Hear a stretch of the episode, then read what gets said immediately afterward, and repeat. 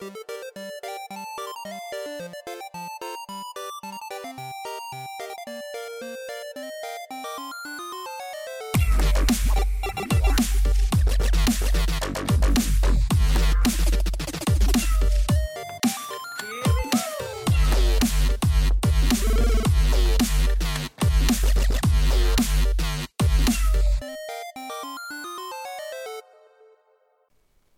Hej och varmt välkomna till ännu ett avsnitt av Medis Radio Trendigt Värre här på 95,3 Stockholm Lokalradio. Det är söndagen den 15 april och solen skiner ganska mycket. Med mig i studion, jag heter Martin Lindberg, har jag eh, Ronja Budak Tjena. och Theodor Tapper. Ja men det är trevligt att vara tillbaks. Ja, en liten, eh, liten skara människor idag, men det kommer bli kanoners i alla fall. Jag har lite brådis, jag ska iväg på kryssning här om två timmar.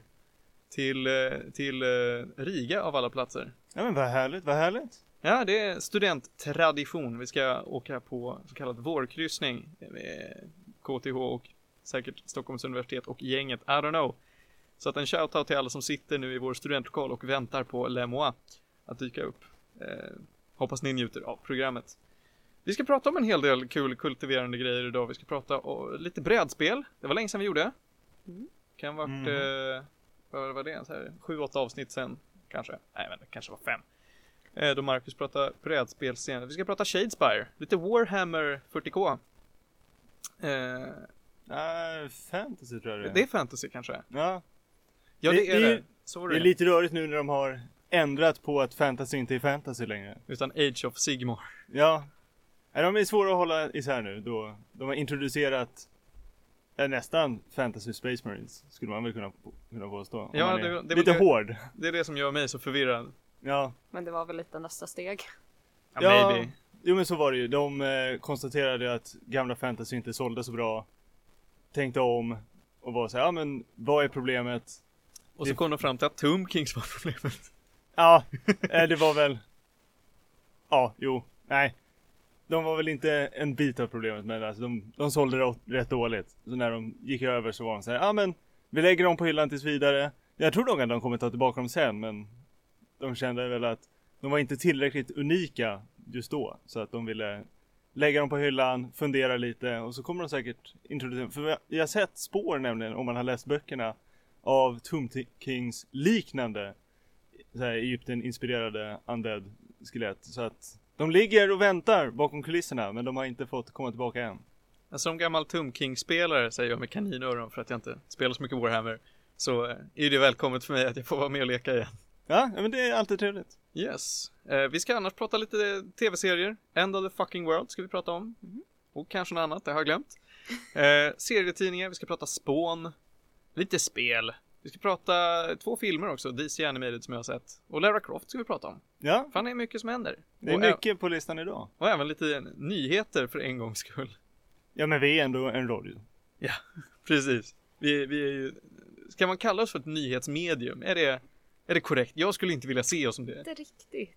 Nej, jag skulle säga då och då smyger lite nyheter in i föreställningen. Ja, det låter rimligt. Eh, vad kickar vi igång med Ronja? Du som är mästare av scheman. Yes, jag tänkte vi fortsätter lite med det här med skolklasser och hoppa på Danganronpa. Oj, oj, oj, oj, oj, vilken kanonstart. Eh, Danganronpa är ju ett så här extremt knarkigt men härligt spel utvecklat av samma nissar som har gjort, eh, vad heter de nu då? Zero Escape-serien. Som jag då aldrig någonsin slutar prata om. Eh, och det här eh, är lite samma premiss. Det handlar om ett gäng kids, eller eh, high school-ungdomar, gymnasieelever heter det, som eh, eh, De låses in i eh, en skola är det? Ja, precis. De ska börja en ny skola, de eh, tappar menet och medvetandet, vaknar upp i den här skolan och låses in och kan inte komma ut förrän de spelar ett hemskt spel där eh, de ska döda varandra. Inte helt olikt eh, Zero Escape eller Battle Royale. Nej, jag känner ett tema som går igenom alla de här spelen. Ja, precis. Men då, det, twisten med det här är att alla gånger, alltså jag skulle vilja titta på manusförfattarna och tänka, hur, hur tänkte ni när ni gjorde det här spelet? Det känns som att varje gång någon har fått en idé så har man varit tvungen att säga ja. Så mycket ballar det här spelet ur. Ja, lite. Eh, folk har eh, väldigt starka personligheter som det är så mycket i japanska spel. Det är väldigt fina frisyrer på folk. Eh, och det är brutalt till höger och vänster. Folk, folk slits i stycken på eh, Väldigt kreativa sätt. Ja, verkligen. Och hela det här spelet eh, konstrueras, eller ska man säga styrs av en liten gullig maskot som då brukar vara en liten björn eh, som heter Monobear. Eh, som är stundom jätteknäpp, stundom fruktansvärt hemsk. Och det här spelet det är indelat i två olika segment, precis som Zero Escape. Det ena segmentet handlar om att du går runt i skolan och utforskar, hittar ledtrådar till vem som har begått det här mordet liksom. För någon dör hela tiden. Liksom varje kapitel är någon dör, lista ut vem. Mm, och då är det ju så att antingen så för att komma ut därifrån då ska man antingen eh, mörda någon och de ska inte figure out vem det är utan de väljer fel person och då kommer mördaren ut. Eller så... Ja, eller så dör, alltså om, om de Men dör. för om jag kommer ihåg rätt så är det efter varje mord så är det en rättegång. Exakt. Och då ska de eleverna som då är fast bestämma vem de tror gjorde det.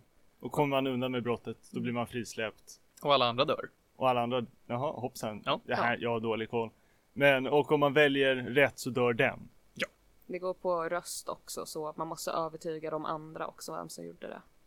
Ah, jo, men som att det inte redan var svårt nog. Ja, Och det här har nu eh, spånat tre och ett halvt spel av det här. Ett halvt säger jag som att det finns någon typ av spin-off som verkar vara någon 2D-plattformer eller något junk. Jag har inte förstått riktigt vad det är. och eh, jag tror tre anime-säsonger eller något. Ja, något sånt tror jag. Mm. Jag har sett typ två av dem. Jag tror en fortfarande pågår. Alright. Ja, Eh, det är väl den senaste. Ja, för det senaste spelet släpptes i januari tror jag. Mm. Eh, Men jag har bara spelat de två första spelen och boy oh boy vad bra de här är. Alltså Spike Chunsoft levererar gång på gång sådana här eh, spel med underbart manus. Det är lite sämre pacing i det än vad det är i Zero Escape ty- tycker jag. För att här kan man utforska lite friare. Eh, det har en väldigt spännande art style med att, eh, ja, som i Parappa the Rapper ungefär, att alla är 2D-sprites i en 3D-miljö. Eh, vilket är spännande. Utom i vissa cutscenes I guess, vilket blir ännu mer frustrerande. Men eh, Jag gillar animationerna på när de, eh, vad är det, när de hittar mördaren och så ska den personen genomgå det, avrättning. mm, Det är väldigt kreativa sätt där också. ja precis, alltså det kan vara allt från att folk blir bombarderade med baseballlar till att eh, de eh, slits itu av centrifugalkraft. Gameplaymässigt så som sagt så var det ju indelat i två olika segment. Det här utforskningssegmentet där man eh, letar ledtrådar och sen det här rättegångssegmentet. Och det kan väl vara lite intressant att prata om. Hur de här rättegångarna går till. Eh, då är det så att man samlar på sig ledtrådar som man väljer på vissa, alltså ungefär som i Phoenix Wright. Att på vissa påståenden som folk säger så ska man säga att ja, det här håller jag med om på grund av att jag har den här prylen att använda mig av eller det här argumentet att använda mig av. Eh, eller det här tycker jag är, du har helt fel, det här eh, säger emot det här bevismaterialet typ. Men till skillnad från Phoenix Wright så har man inte lika mycket tid på sig att bestämma sig. För att här kommer alla fraser och påståenden som folk säger flygandes över skärmen, rent praktiskt. Alltså de flyger från ena sidan till skärmen, de fejdar in, fejdar ut, de klipper lite här och var. Så man måste vara jätteuppmärksam på eh, vart man ska välja rätt grej. Liksom. Samtidigt så ska man ju scrolla igenom alla sina truth bullets som de heter. Man ska faktiskt skjuta påståendena med kulor. Ännu en grej som får mig att tänka att de sa ja till alla idéer de fick när de utvecklade det här spelet. Vad tycker ni vi ska göra grabbar? Phoenix Wright är lite tråkigt va? Man bara väljer grejer. Vi skjuter grejer! Ja! Det är en bra idé. Um, Theo, du ser lite fundersam ut. Har du någonting? Nej, alltså jag har sett... Jag har ju mest... Jag har sett lite av det här spelet, jag har inte spelat det själv. Och blev mer och mer intresserad eftersom Phoenix Wright är ett av mina favoritspel. Och hela rättegångsprocessen och den biten av spelet gre- greppade mig rätt hårt. Mm. Så att jag kände, hur är andra sidan av dem när man utforskar?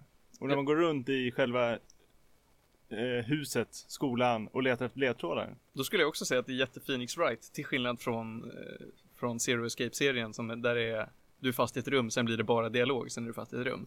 Jo men för ser, eh, det är ju som escape rooms. Du har ett rum, du har ett rätt tydligt pussel du måste försöka lösa.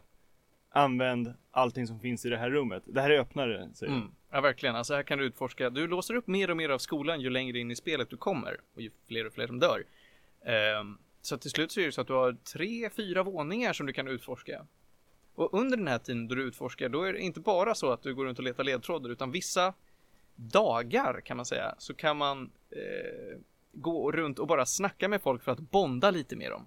Det påverkar ingenting, förutom att det ger ett mervärde till karaktären när man får lära sig lite mer om dem.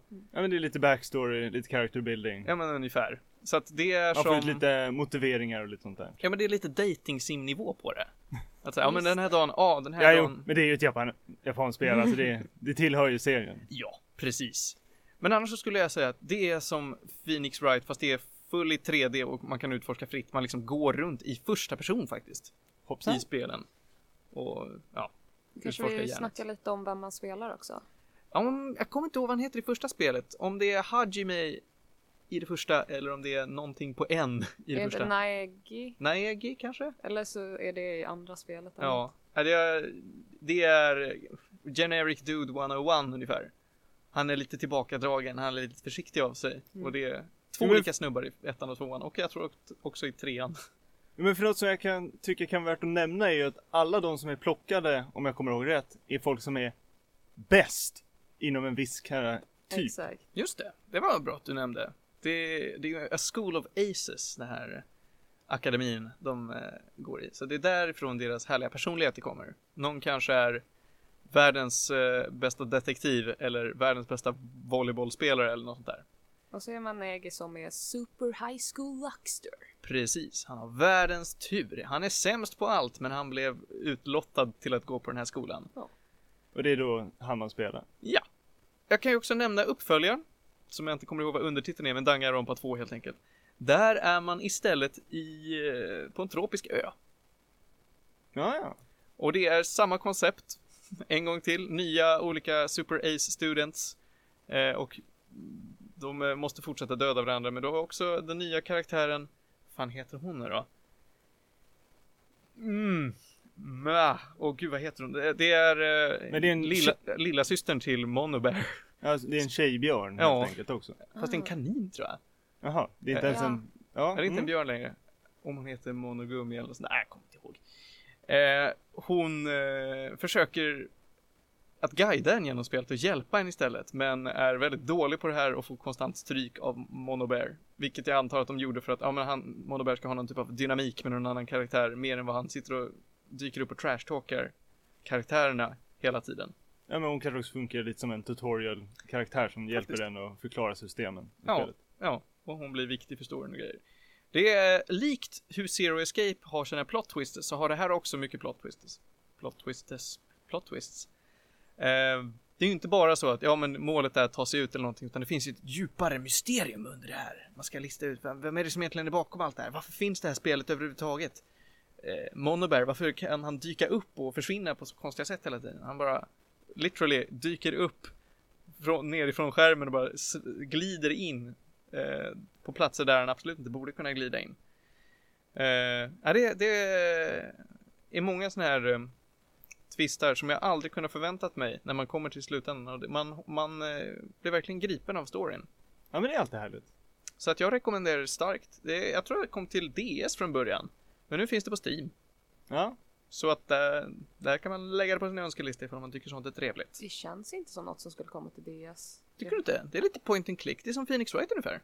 Jo, men grafiken är lite för bra för DSen. Ja, men du har väl sett remasters, I guess. Jag kan kolla väl. Theo, du har väl en telefon på dig? Du kan väl Ja, kolla vilka kan- plattformar? jajamän. Jag kan ju tänka mig att det här släpptes till PSP eller till Vita eller något sånt där. Mm. Vi får se. Eh, under tiden så kan jag säga att det här första och andra spelet finns i en eh, bundle som inte kostar så överdrivet mycket, kanske så här 30 euro eller någonting. Och det är bra för två stycken väldigt långa och mycket contentsrika spel. Jag kan säga att uh, animen som jag har sett så långt, eh, den första säsongen följer ju den första spelet väldigt nära på. Mhm. Och där blir det ju också the, the good route ending eller något. Men sen så hoppar de lite när de går till andra säsongen för då tror jag då är de inte på ön utan det är antingen så här någonting som händer innan de hamnar på ön typ. Och då är det lite samma sak med de är i en vanlig skola först och sen ska det leda upp till något annat. Och det är väldigt svårt att följa the storyline efter det sen. För de hoppar väldigt mycket. Tror du att den kräver lite att man har spelat spelet för att förstå Ja, andra säsongen? efter, eh, ja, efter första säsongen så borde man ha spelat tror jag. Ja, nu när vi har kollat upp lite här så det var ett PSP, Playstation Portable, som den först That's kom till. right. Eh, det har senare släppts till Playstation 4, Windows, Linux om man känner det är roligt. Mac kan man få det till. Och även till sin eh, iPhone och eh, Android. Inte ens till 3DS. Ja, men då hade jag kalasfel. Det är inte helt ovanligt att vi har det här, men det var ju bra att du rättade mig. Ja, nej men det kan ha varit eh, att eh, Sony gick in och sponsrade lite på men att de hjälpte till med en publishing deal där och Mm.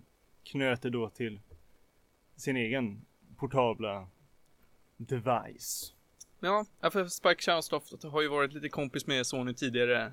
Jag vet att eh, deras port, eller version av eh, Zero Escape-spelen till vita har ju varit den som har varit liksom bäst i test så att säga. Mhm, mhm. Eh, Alright, jag känner mig ganska klar där. Så Hur många poäng skulle du ge den? Gäddor? Ja, gäddor. Ja. Av 10 så skulle, om jag får slå ihop eh, betygen på ettan och tvåan tillsammans så skulle jag kanske ge den en eh, 7 och 7,8 av 10 gäddor. Det är väldigt högt. Det är väldigt högt. Ja, Den är inte riktigt uppe där på åttan för att jag tycker att eh, pacingen blir lite knäpp ibland. När, när man har väldigt stor yta att utforska. Då blir det lite långsamt. Men eh, annars så mekaniskt kanon, storyn kanon, manuset kanon. och då också en snabb fråga här. Om man inte, nu kommer de i en, i en härlig bundle om man köper dem på Steam. Men om man skulle, behöver man ha spelat första för att spela andra och vilken tycker du man skulle spela? Om man skulle välja en av dem. Jag skulle spela första, eh, om jag fick välja en av dem. Man måste knappt ha spelat första för att förstå den andra.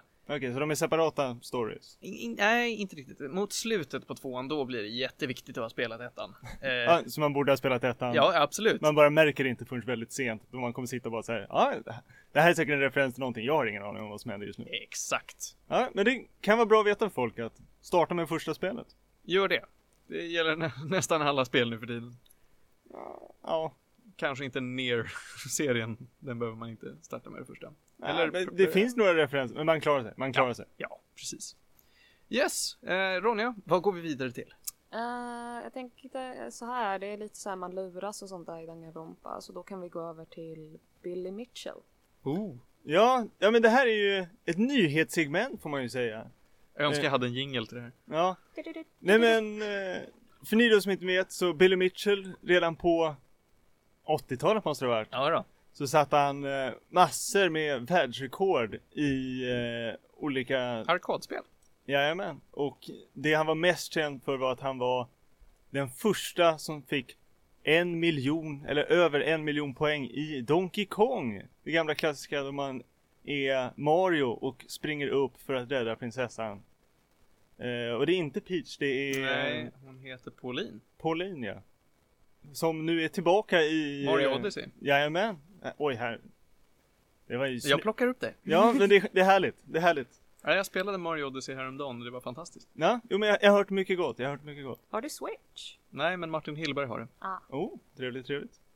Lite name-dropping så här. Ja, men han har varit med i programmet så folk vet vem man är. Hopp, Ja, ja, förhoppningsvis.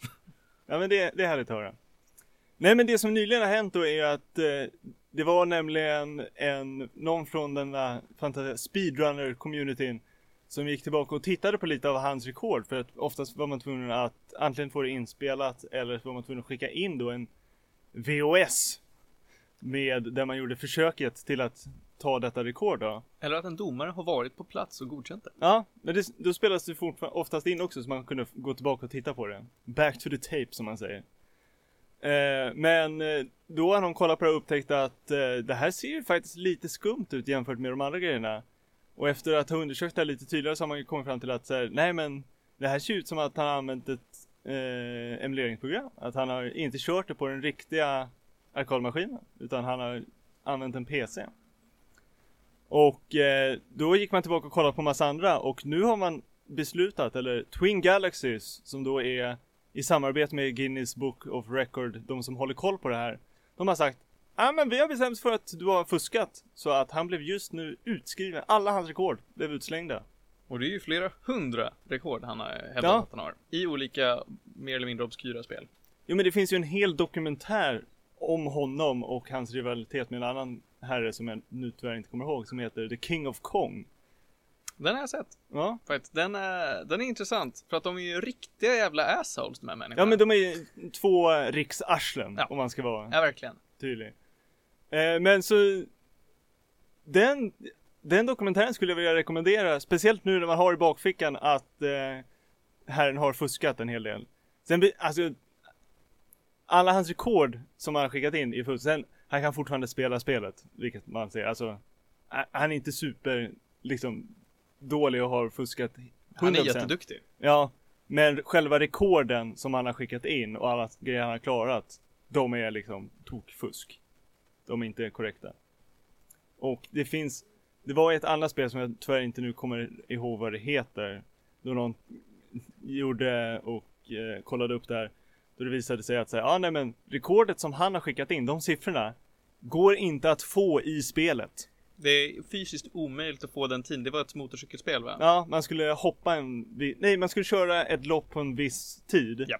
Och man upptäckte, ja ah, nej men max, alltså minimumtiden om man inte gör några fel, om man låter datorn köra, är längre än hans tid. Så att eh, han har slagit liksom så här, det, det går inte att få hans tid.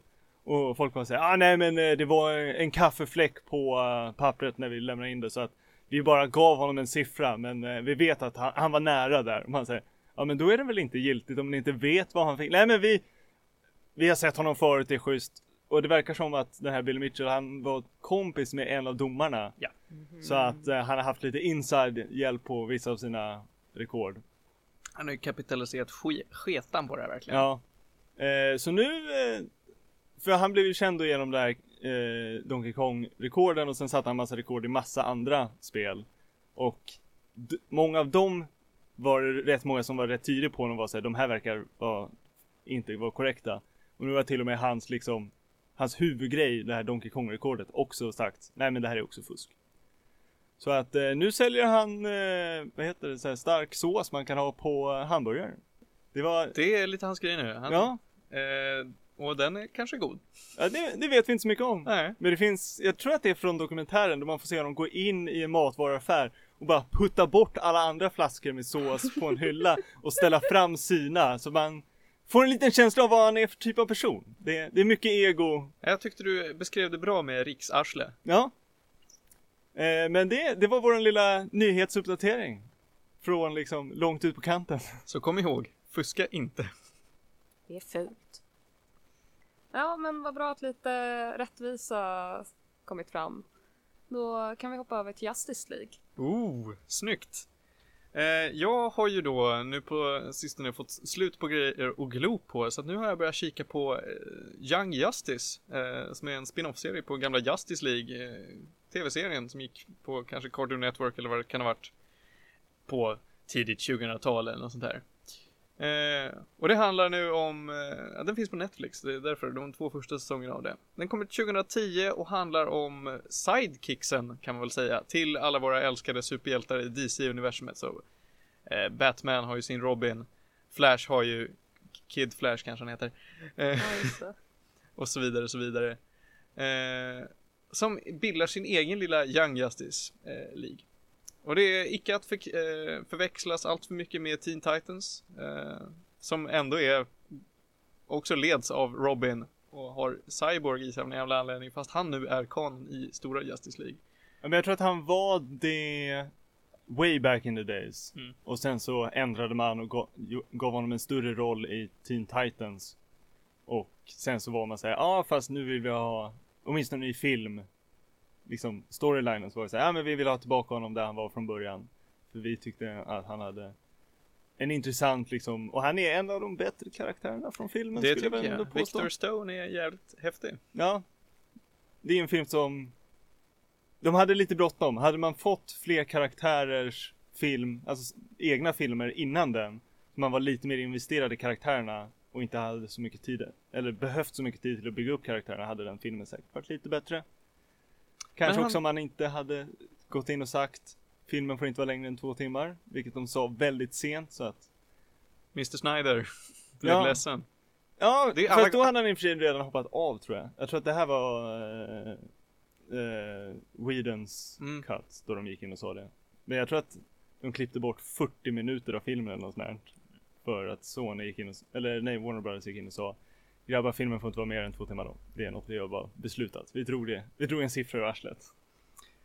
Men alla tillbaka till serien. Ja, tillbaka till serien så den, eh, alltså det är en sån här, ja men den är från sju år. Jag tycker inte att den är kanske från sju år för att den är för det första ganska svår att greppa. För att det är mycket så här, du måste kunna en del om Justice League för att fatta den här. Och för att den är lite brutal i många fall. Alltså den, den är så här, ja, den kanske ska vara från 13 år. Det är lite blodigt här och var. Det är lite mycket, folk har intima relationer som kanske inte passar sig för eh, sjuåringar. I don't know. Eh, men den passar mig väldigt bra. Som är ganska investerad ändå. Jag har sett kanske 10 avsnitt av den här. Eh, varje säsong vet jag är minst 26. De är 20 minuter långa. Och äh, jag gillar den. Alltså det är så här, i brist på annat så, så funkar det. Den är lite mycket villain of the week liksom. Att det alltid dyker upp någon ny obskyr skurk och så löser de problemet och så blir det bra. Och det finns alltid någon intrig med att någon är lite ledsen typ. Ja, men det brukar väl vara den här veckans brott. Ja. Modellen som är väldigt vanlig i just eh, tv-serier och cartoons som är riktade mot lite yngre. Mm. Så är det så här, ja men det ska inte vara så relevant ifall du har missat ett avsnitt utan det är bara sätt dig ner, se, ha en helt okej stund och sen behöver man inte tänka mer på det. Ja, precis. Men har den några liksom element som går över en liksom en vad ska man säga, en subplot Ja. som går genom flera avsnitt? Det har den faktiskt. Det finns någon, jag har inte kommit så långt att jag förstått vad det är riktigt ännu, men alla de här skurkarna verkar lyda någon högre skurkliga som kallar sig för The Light. Eh, så, Nej, så att de, de bygger på någonting. De bygger på någonting. Trogna tittare, de har något lite extra där att att se fram emot och som de, eh, ja men som, som verkligen li- ligger och gror och folk bara oh, är den här, kommer den här nissen dyka upp? Fan vad coolt. Mhm. Eh, så att, ja, den får en liten tumme upp. Eh, var mycket en shoutout till den. Och sen så skulle jag prata om lite två andra DC-filmer jag har sett. Mm. Eh, också som har legat på Netflix nu ett tag. Eller tre blir det om jag ska koppla till eh, den där Young Justice nu. För nu tror jag inte att den finns på Netflix längre. De brukar ju rotera mycket av de här DC-filmerna som ligger ute på Netflix. De liksom går från att, ja men nu har vi de här, nu har vi en Flash-film, nu har vi en Batman-film och en Justice League-film. Till att de tar in lite nya liksom. Ja, men för det är ju något som de gör med i och för sig alla filmer de har. Men de, de köper ju in en licens för att säga ja vi får ha dem så här länge och sen beroende på hur vad Netflix väljer att värdera dem så köper de ju för en viss tid. Mm. Och sen tappar de dem. Sen. Det är därför filmer försvinner. Japp, så jag är det. varit så sur. Mm. Eh, just nu så vet jag att Justice League Dark ligger ute. Eh, jag har för mig att den är ny. Jag är inte helt hundra på det. Är det den med, eh, vad heter han, den brittiska magiker? Ja, precis. Inte John Wick utan... Eh, ja. Va, ja, men jag måste seriöst... John Constantine. John Constantine är det ja. Den satt långt inne, den satt långt Det är inne. också Keanu Reeves. Ja, Eh, det är, ja, det är en av de eh, mäktigaste karaktärerna i hela eh, DC-universumet. John Konstantin som går runt och eh, driver ut demoner ur eh, allehanda personer och grejer. Ja, för att Och det är ju något som alltid var lite märkligt med just DC Men de har ju liksom så här, ja men vi har folk med superkrafter Och sen har vi riktig magi Och de möts ibland och det blir konstigt Ja, nu har de slagit ihop det här lite grann så att de, de ja, fokuserar mer på folket med magi. Alltså de har verkligen tagit och dragit ut hela den klungan av mäktiga magiker i DC-universumet som typ Satana eh, och Satara för den delen. Eh, och John Constantine då som får bilda sin egen lilla klunga folk och eh, En Justice League en mot Justice League of their own. Ja exakt, men de är ju Istället för att slåss mot liksom aliens och super bad guys Så slåss de mot onda magiker Exakt. Och spöken och grejer Den filmen var kalasbra. Jo Eh. men jag, jag tyckte om den, jag har också sett den nämligen Mm. eh, Och det jag uppskattade var Att liksom Tittarnas Eftersom det är så mycket konstigheter som sker så får tittarna en karaktär som har noll koll om allt det här magiska. Eller det är lite att ta i. Men vi får se, uppleva det här äventyret ur Batmans ögon. Och Batman bryr sig inte ett smack om magi. Han, är, han tror ju på magi för att han, han Ja liksom, men han, han har ju sett det, så han, han vet ju att det finns. Han kan ju inte... Dock så är det en grej att Robin inte tror på magi. eh, vilket är jättekul. Eh, eller fan, nej, var det Kid Flash som inte trodde på magi? Fan, sk- skitsamma. Eh, for- Forget all I said. Eh, men den, den var också bra så att just nu, passa på medan den är ute. Eh, passa på medan Netflix har den licensen och ser den. Ja, jo men det är en, en stark rekommendation. Ja. Och sen såg jag också Batman and Harley Quinn. Som är, jag tror att den är ganska gammal, alltså så här från sent 90-tal tror jag den är. Ja, den här, den är utanför min repertoar. Ja, precis. Det, det är eh, gamla, gamla Batman tecknade serien. Batman The Oh. Animated Series nivå på det. Ja, ja. Och det här är ju en underlig rulle alltså. Den var typ bra, men den är jättekonstig. Alltså det, det är eh, Kevin Conner heter han kanske? Eh, Conroyd. Conroyd, Kevin Conroyd. Ja. Som eh, gör liksom rösten till Batman. Han brukar vara väldigt seriös. Det är liksom han som är dark and gritty Batman. ja. Men det är han som tog beslutet att, eh, nej men Bruce Wayne är masken. Det är en känd quote från honom när han beskrev Batman så var han så här. När jag gick in i den här rollen så tog, var jag tvungen att ta ett beslut och då tog jag beslutet att Bruce Wayne är masken och Batman är karaktären. Och det här är världens tramsigaste rulle. Alltså den är så otroligt tramsig. De bara skiter i allting vad, vad seriösa grejer är. Eh, men de, samtidigt så gör de jättemycket fina nickar till, än en gång, nischade, jävligt nischade DC-karaktärer som bara dyker upp. Jag kan, utan att nämna vad den handlar, eh, handlar om allt för mycket för att det är inte jätteintressant. Eh, Batman och Harley Quinn måste teama upp mot random eh, villain. Boom. Eh, så är de, bland annat så är det en scen som utspelar sig på en bar där olika henchmen till stora skurkar bara hänger. Ja men det är, Det är trevligt, alltså det, det, är, en, det är ett, musiknummer inne på den här härliga baren som görs då av Oh. Harley Quinn. Jag kommer inte ihåg vem det är som gör rösten till henne i den här filmen, men det är inte den vanliga härliga brutan. Eh, tyvärr, men, men eh, det är ett härligt musiknummer och folket på den här baren, de bara skiter i att Batman är där och, och att Robin är där och bara går runt och hänger, eller om det är Nightwinger, tror jag. Ja, det är Batman och Nightwing som springer omkring där inne. Och de bara står och gör sin grej, Batman bara, ja ah, men visst, vi, vi är inte här för att spöa på massa skurkar, utan jag bara hänger. okej. Och så blir det ett fett musiknummer och det är jättetöntigt. Ja men ibland, ibland kan det också vara härligt. Att bara säga, ja men vi kör ett helt annat spår. Ja. Så ibland funkar ibland funkar det inte. Ja. Precis som i Justice League Dark så är Swamp Thing en viktig del av den här filmen. Ja, den härliga träsktrollet höll jag på att Ja. säga. Men... Där har vi en underskattad DC-karaktär. Alltså att om man läser Swamp Thing-tidningen då jävlar. Den, den är riktigt bra. Ja. Eh, det finns också en annan scen där de sitter i The Batmobile och eh, hela scenen går ut på att Harley Quinn inte kan sluta prutta. Det är väldigt tramsigt. Ja, nej men verkligen. Ja. Eller snarare att hon inte vill. För att hon vill gå Batman på nerverna. Eh, det, det är Det är i och under... för sig lite av en Harley Quinn-grej. Att säga, ah, det här verkar han tycka är irriterande. Jag bara kör på. Ja. En väldigt tramsig film var det. Men det var bra. Ja. Eh, och så skulle jag eh, då bara nämna att det fan, nu har den roterat ut ur eh, Netflix repertoar. Men Justice League vs Teen Titans gick också på Netflix här om månaden. Den, eh, den var okej. Det handlar om Damien Wayne, alltså Batmans son, Är den yngsta av Den de yngsta av- vadå, fyra stycken som har varit. Ja. Robin. Ja. Eh, han som är lite arg och lite sur och lite brutal och vill döda folk för att han är ja, men han är lite edgelord. Ja, han är lite edgelord. hård. Han är ändå eh, sonsonen till, eller dottersonen blir det, till Raish Al Ghul. Eh, den, ha- där är också vissa av The Teen Titans vuxna och har gått med i det riktiga Justice League, till exempel Starfire. Den var en helt okej rulle, jag kanske inte rekommenderar den lika mycket. Eh, för att det mycket är Damian Wayne är edgelord. Okej. Men då, ramlar man över den så kan man se den, men man behöver inte gå upp, ut och leta efter den. Precis. Speciellt inte nu när den har fallit av Netflix. Exakt.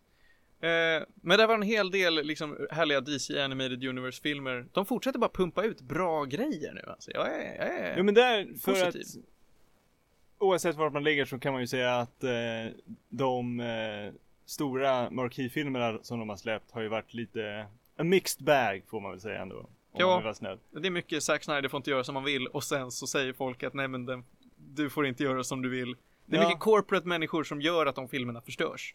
Ja, jo, men och sen så, jag kan också köpa att vissa inte var på det tåget från början med Zack, Zack Snyders idé. Men, och det, det får man väl tycka som man vill. Han valde att gå ett spår. Men det som var synd var ju att sen gick de in och till och med inte lät honom fullfölja sitt spår. Medans, och det var det jag just tänkte säga, att de animerade filmerna som de har släppt har ju varit alla Liksom, de har haft en, de har satt en bra ribba kan man säga helt enkelt. De har legat rätt högt. Oh ja. Riktigt bra har det varit. Vill man se en bra Justice League-film så borde man se om man kan hitta den Justice League-filmen Origin, jag kommer inte ihåg vad den heter. Tänker du är, Doom eller War? eh, den första, War kanske? War tror jag att det är. Ja, War tycker jag är den bästa som jag har sett. Ja. Nej men de är alla härliga. Och sen om man är, om man gillar att eh, vara den mest in, pålästa personen i världen och tror sig veta allt om eh, DC-universumet, då ska man se Flashpoint Paradox. Ja, men den är, Den är svår. den är är svår svår. film. Och jag hade ändå fördelen att jag hade läst, så jag hade koll. Jag hade läst hela den se- Mm. sektionen innan. Och eh, den är fortfarande, det är lite rörigt. Men, eh, ja men den är värd det. Den är Visst värd är den 18 plus va? Ja jag tror det. Mm. Jag tror att det är en av de få animerade som de sa var såhär, nej men vi, vi tar i på riktigt den här gången grabbar. Det är mycket våld och blod och sex Ja.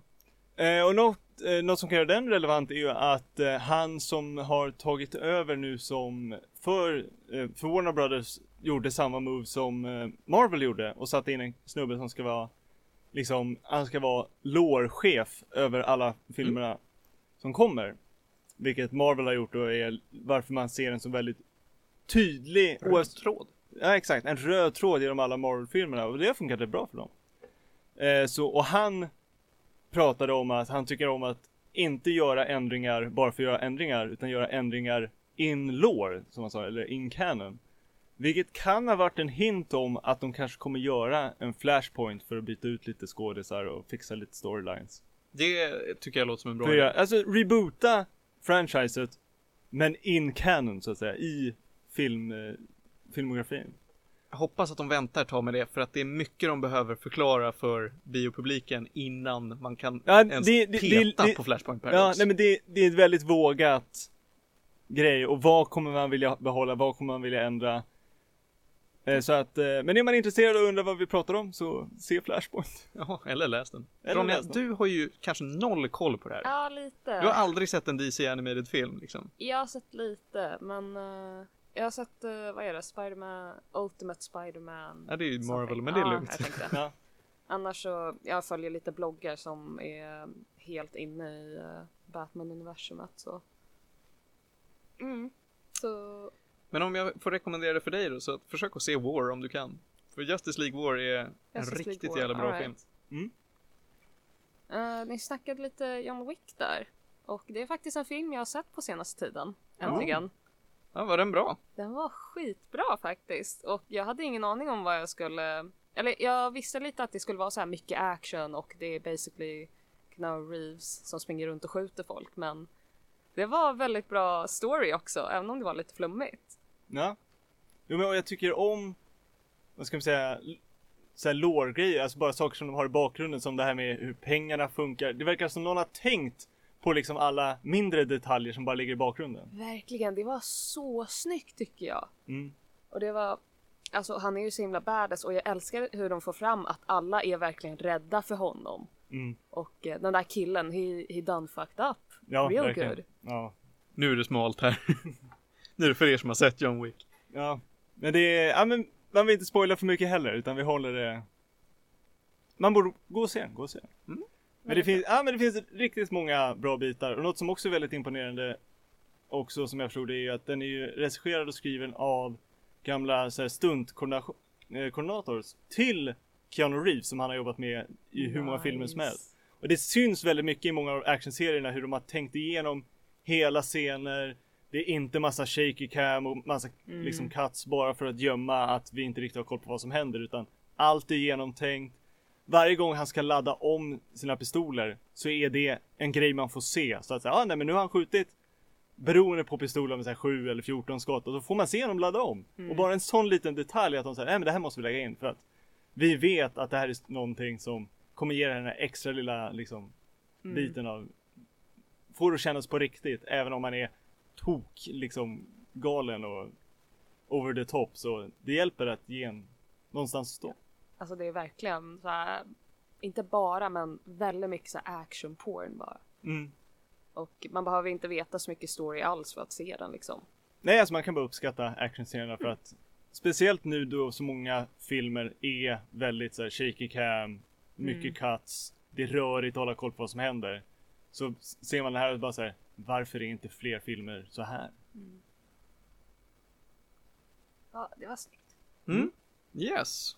Ja, det var allt jag hade att säga om DC-universumet egentligen. Eh, ut och kolla på rullarna mer. Ehm, vi kanske ska ta lite musik och uh, köra rast sen. Ja, visst. Eh, vi har egentligen 20 minuter kvar innan det är rastdags. Ja, vi brukar köra efter. Ja, vi brukar köra liksom till, till två. Ja, okej. Men, Jag- eh, då kan vi ta mer Netflix. Ja, bra idé. Vad har du på agendan? Jag snackar lite om End of the fucking world. Yes, du och jag har ju sett den Ronja. Theo, du har? Ja, ja, ja, lite här innan vi gick live så läste jag IMDBs sammanfattning Alltid något. och tittade lite på rolllistan ifall det var någon jag kände igen. Men, eh, ja men förklara för mig vad det här är. Jag har noll koll. Tar du Ronja? All right. Eh, nu Jag plockar det, upp dig. Ja, det var någon månad sedan jag såg det så jag kanske inte kommer ihåg allt. Men basically så handlar det om två ungdomar som går i typ samma skola. Och killen, vad hette han? Pass. Eh, James, något på J. James låter ju bra. James kallar vi honom. Han, eh, han, är lite, han saknar lite känslor tycker han och han tror att han är en psykopat. Så då tänker han Hoppsan. att eh, han ska försöka mörda en- en person. För att få lite känslor. Ja, eller för att det är det psykopater gör. och eh, då finns det en eh, nyinflyttad tjej tror jag, eller något, som är i skolan och hon kommer fram till honom och bara Hej, ska vi hänga? Eller vill du vara min pojkvän? Bara direkt. Han bara, uh, okej. Och då tänker han då, det här kan vara ett bra sätt att uh, ja, lura in henne så att jag kan försöka mörda henne. Basically. Och uh, vad händer sen? Ja, eh, han planerar att mörda henne. Hon kommer fram till att, nej men vet du vad grabben? Att leva det här livet, det suger tvärfett. Vi drar. Så att hans planer på att mörda henne skjuts upp hela tiden. Så de drar på eh, en liten joyride kan man säga. Just det, han eh, slår sin farsa i ansiktet, snor hans eh, bilnycklar och så kör de iväg. Och så sätter det igång. De eh, träffar på lite härligt folk, de åker in i lite knasiga situationer. Eller knasiga ska jag inte säga, utan de är mer eller mindre hemska. Och det är en ganska kort serie. Mm. Vad är den, så här sex avsnitt eller något? Ja, jag tror det. Nu skulle man kunna påstå att det är lite av en roadtrip film, eller serie. Att det är, de reser runt och upptäcker nya grejer. Inte, Inte riktigt. Man hinner upptäcker. inte det. Nej okej, de hinner, de börjar en roadtrip. Kan man säga så då? Mm. Eh, Den här tjejen är lite, hon är lite unhappy för att eh, hennes mamma har gift om sig och eh, hennes nya styvfar är en riktig asshole. Och hon förväntas hela tiden bara sitta och smile och dela ut saker på deras home parties och det är nästan som att hon inte existerar känner hon. Så då vill hon gå ut och hitta sin riktiga pappa istället. Okej, så det, det är mer än hitta den förlorade pappan-storyn. Ja, Eller det är så upplägget är. Sen om den... ungefär. Målet Sen blir om, ju det. Ja, sen om storyn går den vägen eller inte. Men det är upplägget. Ja. Det är, Killen ska mörda tjejen, tjejen ska hitta sin ja, pappa. så killen, James storyline. Båda var 17, jag kollade precis upp det. Härligt. Hans storyline är, jag har lite problem med mina känslor och tror att jag är psykopat. Eller jag kanske är det. Jag bestämmer mig för att testa om jag är det genom att försöka mörda den här tjejen.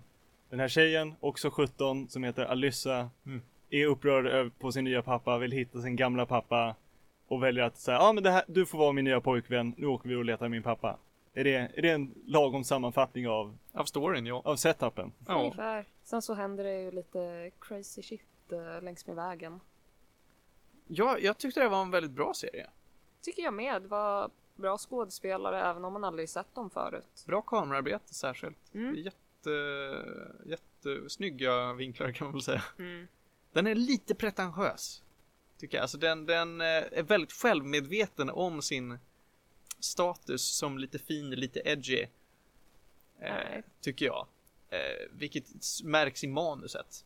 Särskilt. Att Mm. den försöker vara en sån här film som eh, Lite djup för ungdomar. Precis. Känner sig lost. den, alltså det, någonstans, jag tror inte att det är så, men det känns som att den försöker plocka upp och göra det som eh, 13 Reasons Why försökte göra, bara att den berättar en helt annan typ av historia. Hur kopplar du dem ihop då? Ja, eh, det, jag, alltså det, jag bara fick den känslan av att, för båda är lite pretentiösa på det sättet. Men är det lite, det är ungdomar och det är känslor? Är det, är det Det- tråden mellan dem? Ja, det är ungdomar, känslor, pretentiös serie av det hela. Men jag, Ja. jag inte, för att det är lite svårt att säga. Ja, med tanke på det är att- väldigt många filmer och serier jag skulle kunna lägga inom den Ja. kategorin. Ja, precis. Ja, men det här var två som kom ut lite... Ja, men jag kan, det är I- båda, i båda. Netflix, eller hur? Ja. Mm. Så de är lite, alltså, det finns flera trådar man kan koppla dem emellan. Så jag, jag kan se lite vart det kommer ifrån ändå. Ja, precis. Det, jag kan säkert ha jättefel i och med att 13 Reasons Why bygger på en bok och så vidare. Jag vet inte om den här bygger på någonting, eller är det ett originalmanus? Jag har, in- så långt kommer jag inte ner på Jag har ingen så. aning heller. Men det kändes ju som att de alltså, skulle kunna fortsätta med det sättet som de avslutade det på också. Men då kanske det inte blir mycket story. Nej, den slutar ganska abrupt tycker jag. Mm. Ja men det kan ju också vara att liksom att det är en bok som de valde att skriva om till en kortare grej och lämna den lucka för att ifall de skulle vilja lägga på något nytt så går det men de vill de visste inte hur den skulle gå så därför valde de att säga ah, nej men vi kör, vi kör en kortis här en schysst story Mm. det får bli bra. Ja, det känns väldigt mycket som att den är byggd på en bok för att det är mycket mono, alltså inre monolog. Ja, det är ovanligt att man väljer att ha om det inte är en bok från början med voice. Så att man måste lägga in voiceovers för att det är för mycket liksom, inre tankar. Ja, det är För de Det- flesta väljer ju show don't tell. Så att, precis. Här, här är det mycket stillbild, alltså det är lite Dirk Gently av det hela, stillbild på karaktär, man hör deras eh, röster. ja, ja, men det Det kan funka det med. Ja. Ja. Men den får ändå en tumme upp. Vill du ge den några gäddor, Ronja? För jag vill inte ge den några gäddor. Jag har svårt att säga. Ja, alltså jag tyckte om den när jag såg den men eh, det där avslutet var lite så här uh, bittersweet så jag tyckte inte om det. Men då kanske det blir, I don't know, sex gäddor, sju gäddor. Värt att se fortfarande. Ja, men det tycker jag. Och det är är inte sex allt- avsnitt liksom. Ja, ja, men precis. För är det inte en allt för stor investering att se den så kan det vara värt det. Medan något som är längre, som är det liksom För det har jag sett, långa serier då slutet är dåligt gör mig oftast mer besviken för då har jag, jag har investerat så pass mycket att jag blir så här, ja nej det här var ju inte värt det. Medan är den, är den kortare så är jag mer okej med att slutet är sådär om det var mycket bra grejer innan. Jag kommer ha så kul när jag är klar med Lost. Varje avsnitt i den här serien är en halvtimme långt bara. Så att man är ju klar på tre timmar. Det Ja. kändes så mycket längre. Ja, det gjorde det faktiskt. Men det var en halvtimme. Ja men det är, det är både plus och minus skulle jag påstå. Ja. Så det är så. Vi har tio minuter kvar innan vi ska ta paus. Så att vi hinner nog med en kortare grej till. Vad har vi på schemat Ronja? Ja du, um, se. Vi kan snacka lite Lara Croft. Ja visst. men det kan vi ta lite när vi ändå är inne i filmens värld här. Jag var ju och såg eh, den nya Laura Croft-filmen Tomb Raider med eh, Alicia Vikander. exakt. Som, nej det, vi behöver inte gå in på det. Men det var lite arslen som sa konstiga grejer på internet som jag inte riktigt höll med om. Men eh, ja, ja. Eh, men hela det som jag fann mest imponerande är att då de tidigare eh, Tomb Raider-filmerna om Lara Croft har varit väldigt fristående så här, Vi skriver vår egen story och har mest bara plockat karaktären. Så har man här valt att ta storyn från de senare spelen, de som Square Enix släppte eh, Rise of the Tomb Raider och Ja, det är bara Tomb Raider hette det första. Ja, den första heter bara Tomb Raider. Och från det första spelet som de släppte då. Mycket, många bitar av den här storyn är lyfta från det spelet. Och de väljer att göra lite andra grejer som jag tycker funkar väldigt bra med tanke på att det är en film. Eh, så de ändringarna, får, de streamlinar storyn lite. Och, men den funkar oväntat bra.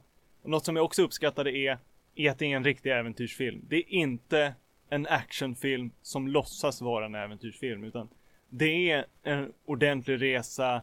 Det är inte för mycket. Alltså, det är såklart det är en del action för det, det är det alla men på senare tid så har de flesta äventyrsfilmer varit actionfilmer. Den enda som jag kan tänka på nyligen är väl Jumanji som också är en... Ja, det var en riktig äventyrsfilm. Ja. Men också lite roligare och liksom mer barnvänlig. Men alltså den här är riktigt härlig bara och väldigt bra skådespelarinsatser från alla som var med. Så att eh, jag kan starkt rekommendera den. Sen är, kommer jag inte påstå att det är liksom den mest ambitiösa filmen jag någonsin har sett eller djupast eller så. Men jag var bara Det är nog den bästa tv-spelsrelaterade filmen som jag har sett. Oj, det är Det- bra. Ja, Det är riktigt bra. ja.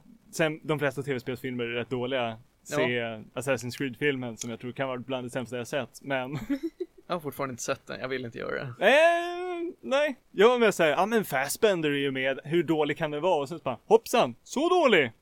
Ja, tur att jag väntade tills den var, man kunde se den hemma och inte såg den på bio. Ja, ma- ja, de sopade ju den under mattan väldigt fort efter Ja. den kom ut.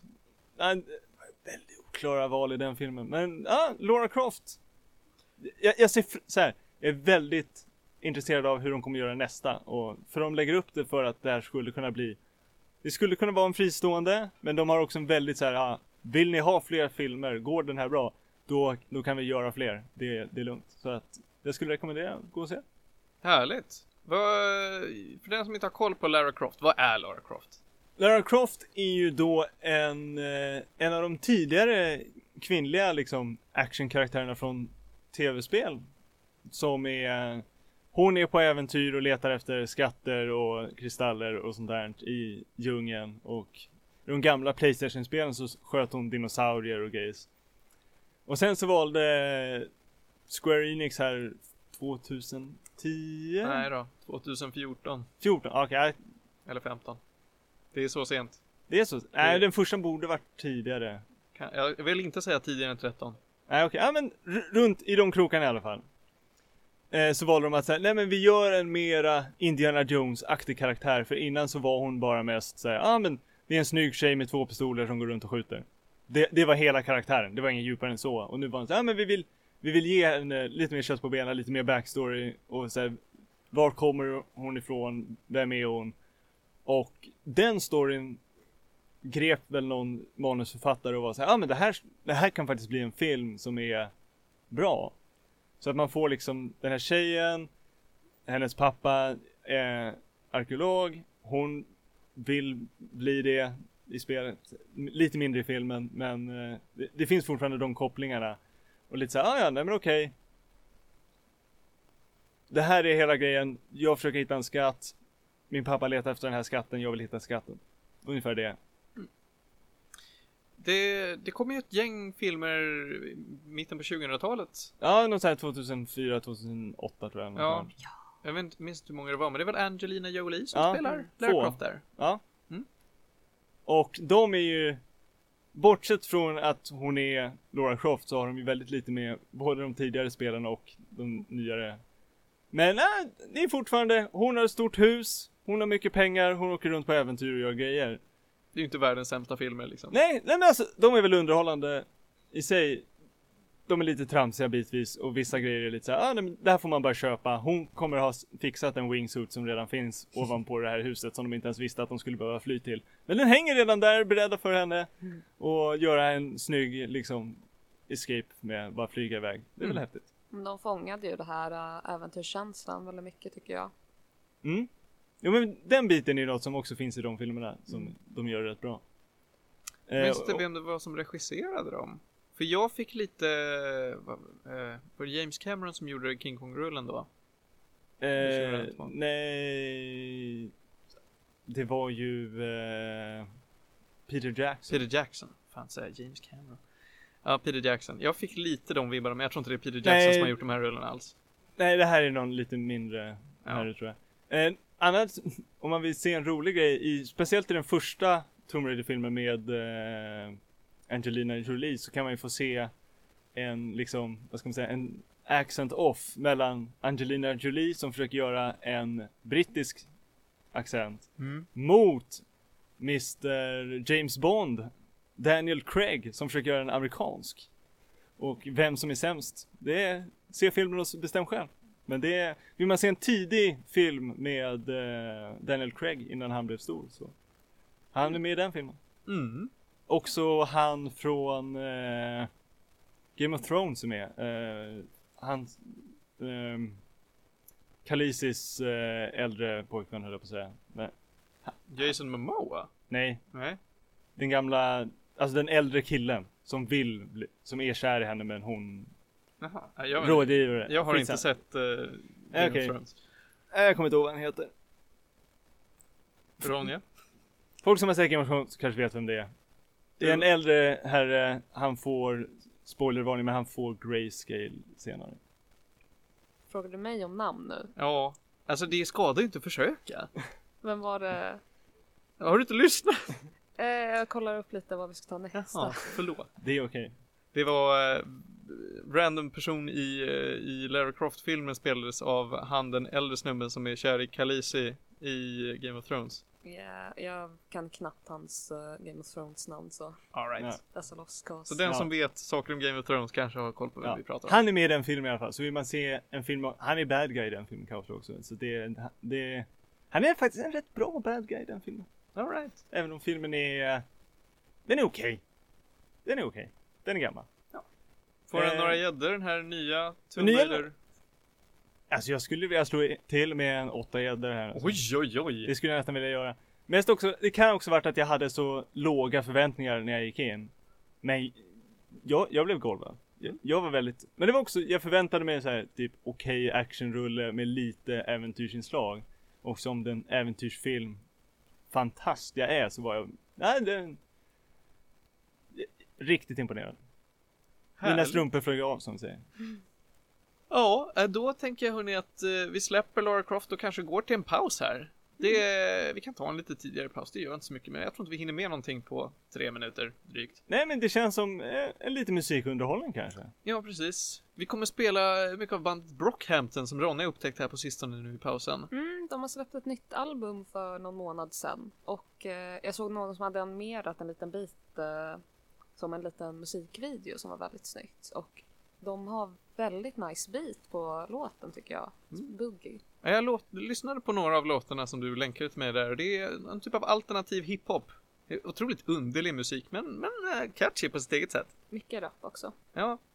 Jo, det är väl det som ingår i hiphop. Eh, nåväl, här, eh, vi kommer inte börja med det för att eh, jag har bestämt att vi inte börjar med det utan istället så kommer vi börja med lite Phil Collins och Philip Bailey.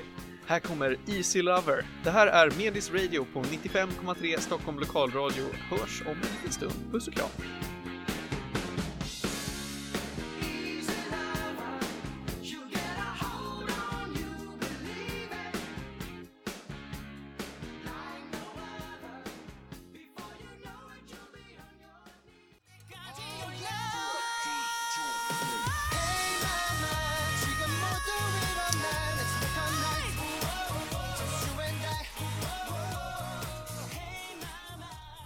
Yes, där var vi tillbaka. Timme två här i Medis Radio, trendigt värre. Du lyssnar på programmet där vi pratar om all typ av möjlig media och kultur här på Stockholm Lokalradio. Vi har lite mer att snacka om nu. Vi, tog, vi klämde av jävligt mycket i timme ett här, men vi har en del kvar till eh, timme två att fylla ut den med. Vi har en 45 minuter att fylla med gott gott. Mm. Vad ska vi börja med Ronja? Jag tänkte snacka lite Homestuck. Ah, den underbara we- webbkomikern som hållit på nu i 40 000 år. Nej, alltså den är avslutad sedan förra året. Det, den är fortfarande väldigt lång men eh, ja, den avslutades 2017 eller 16. Du får läsa ikapp Martin. Du får Ja, läsa ja, ikapp. ja, men den är ju, det är ju fan det längsta skrivna verket som finns typ. Ja, men det är så värt det. Ja, säkert. Jag har hört att den ska vara jättebra, det är mest att jag inte orkar. Men eh, nu så har de firat, eh, vad är det, nioårsjubileumet för cirka två dagar sedan. Och eh, då har de bland annat gjort om eh, hemsidan där de hade The Webcomic så att nu ligger det på homestuck.com och det går att läsa det på mobilen. Aha. Det är ju också bra för den som är i farten. Ja, nej, men det gör det ju lättare att jobba igenom när man sitter på tunnelbana, buss eller dylikt. Exakt. Förut så funkade det ungefär typ på mobilen men då funkade inte de här fina flash-animationerna eller eh, minispelen som man kommer till ibland. Men i alla fall, nu så eh, Ja, Homestuck, för den som inte vet, är en eh, webcomic av Andrew Hussey. Och det är lite speciell stil på det. Det är lite cartoony men uh, lite så här. Uh, allting är ritat i MS Paint. Så det är väldigt charmigt. Ja, det ser väldigt charmigt ut, det måste jag medge. Mm. Väldigt mycket internetskämt och uh, pans och grejer. Och det handlar om eh, fyra, vad är det, 13-åringar tror jag. Som eh, sätter sig ner för att spela ett spel tillsammans. Men då visar det sig att det här spelet eh, gör så att världen kommer gå under och då transporteras de till spelets värld istället. Och ja, shenanigans and sue. och man får möta lite aliens och få tag i lite, man får göra egna quests som är personliga för varje spelare. Deras hus teleporteras till ett eget planet som också är personalis personaliserat. Och ja, det är väldigt mycket som händer där. Det är väldigt mycket timeline skipping, timeline jumping och eh, mm. ja, nio år som sagt, det är lång tid. Det är väldigt lång tid. Det är väldigt mycket ord som läses också. Och, ja, det har varit väldigt, väldigt roligt att följa med på den här resan honestly. Ja, mm. vad härligt, vad härligt. Mm.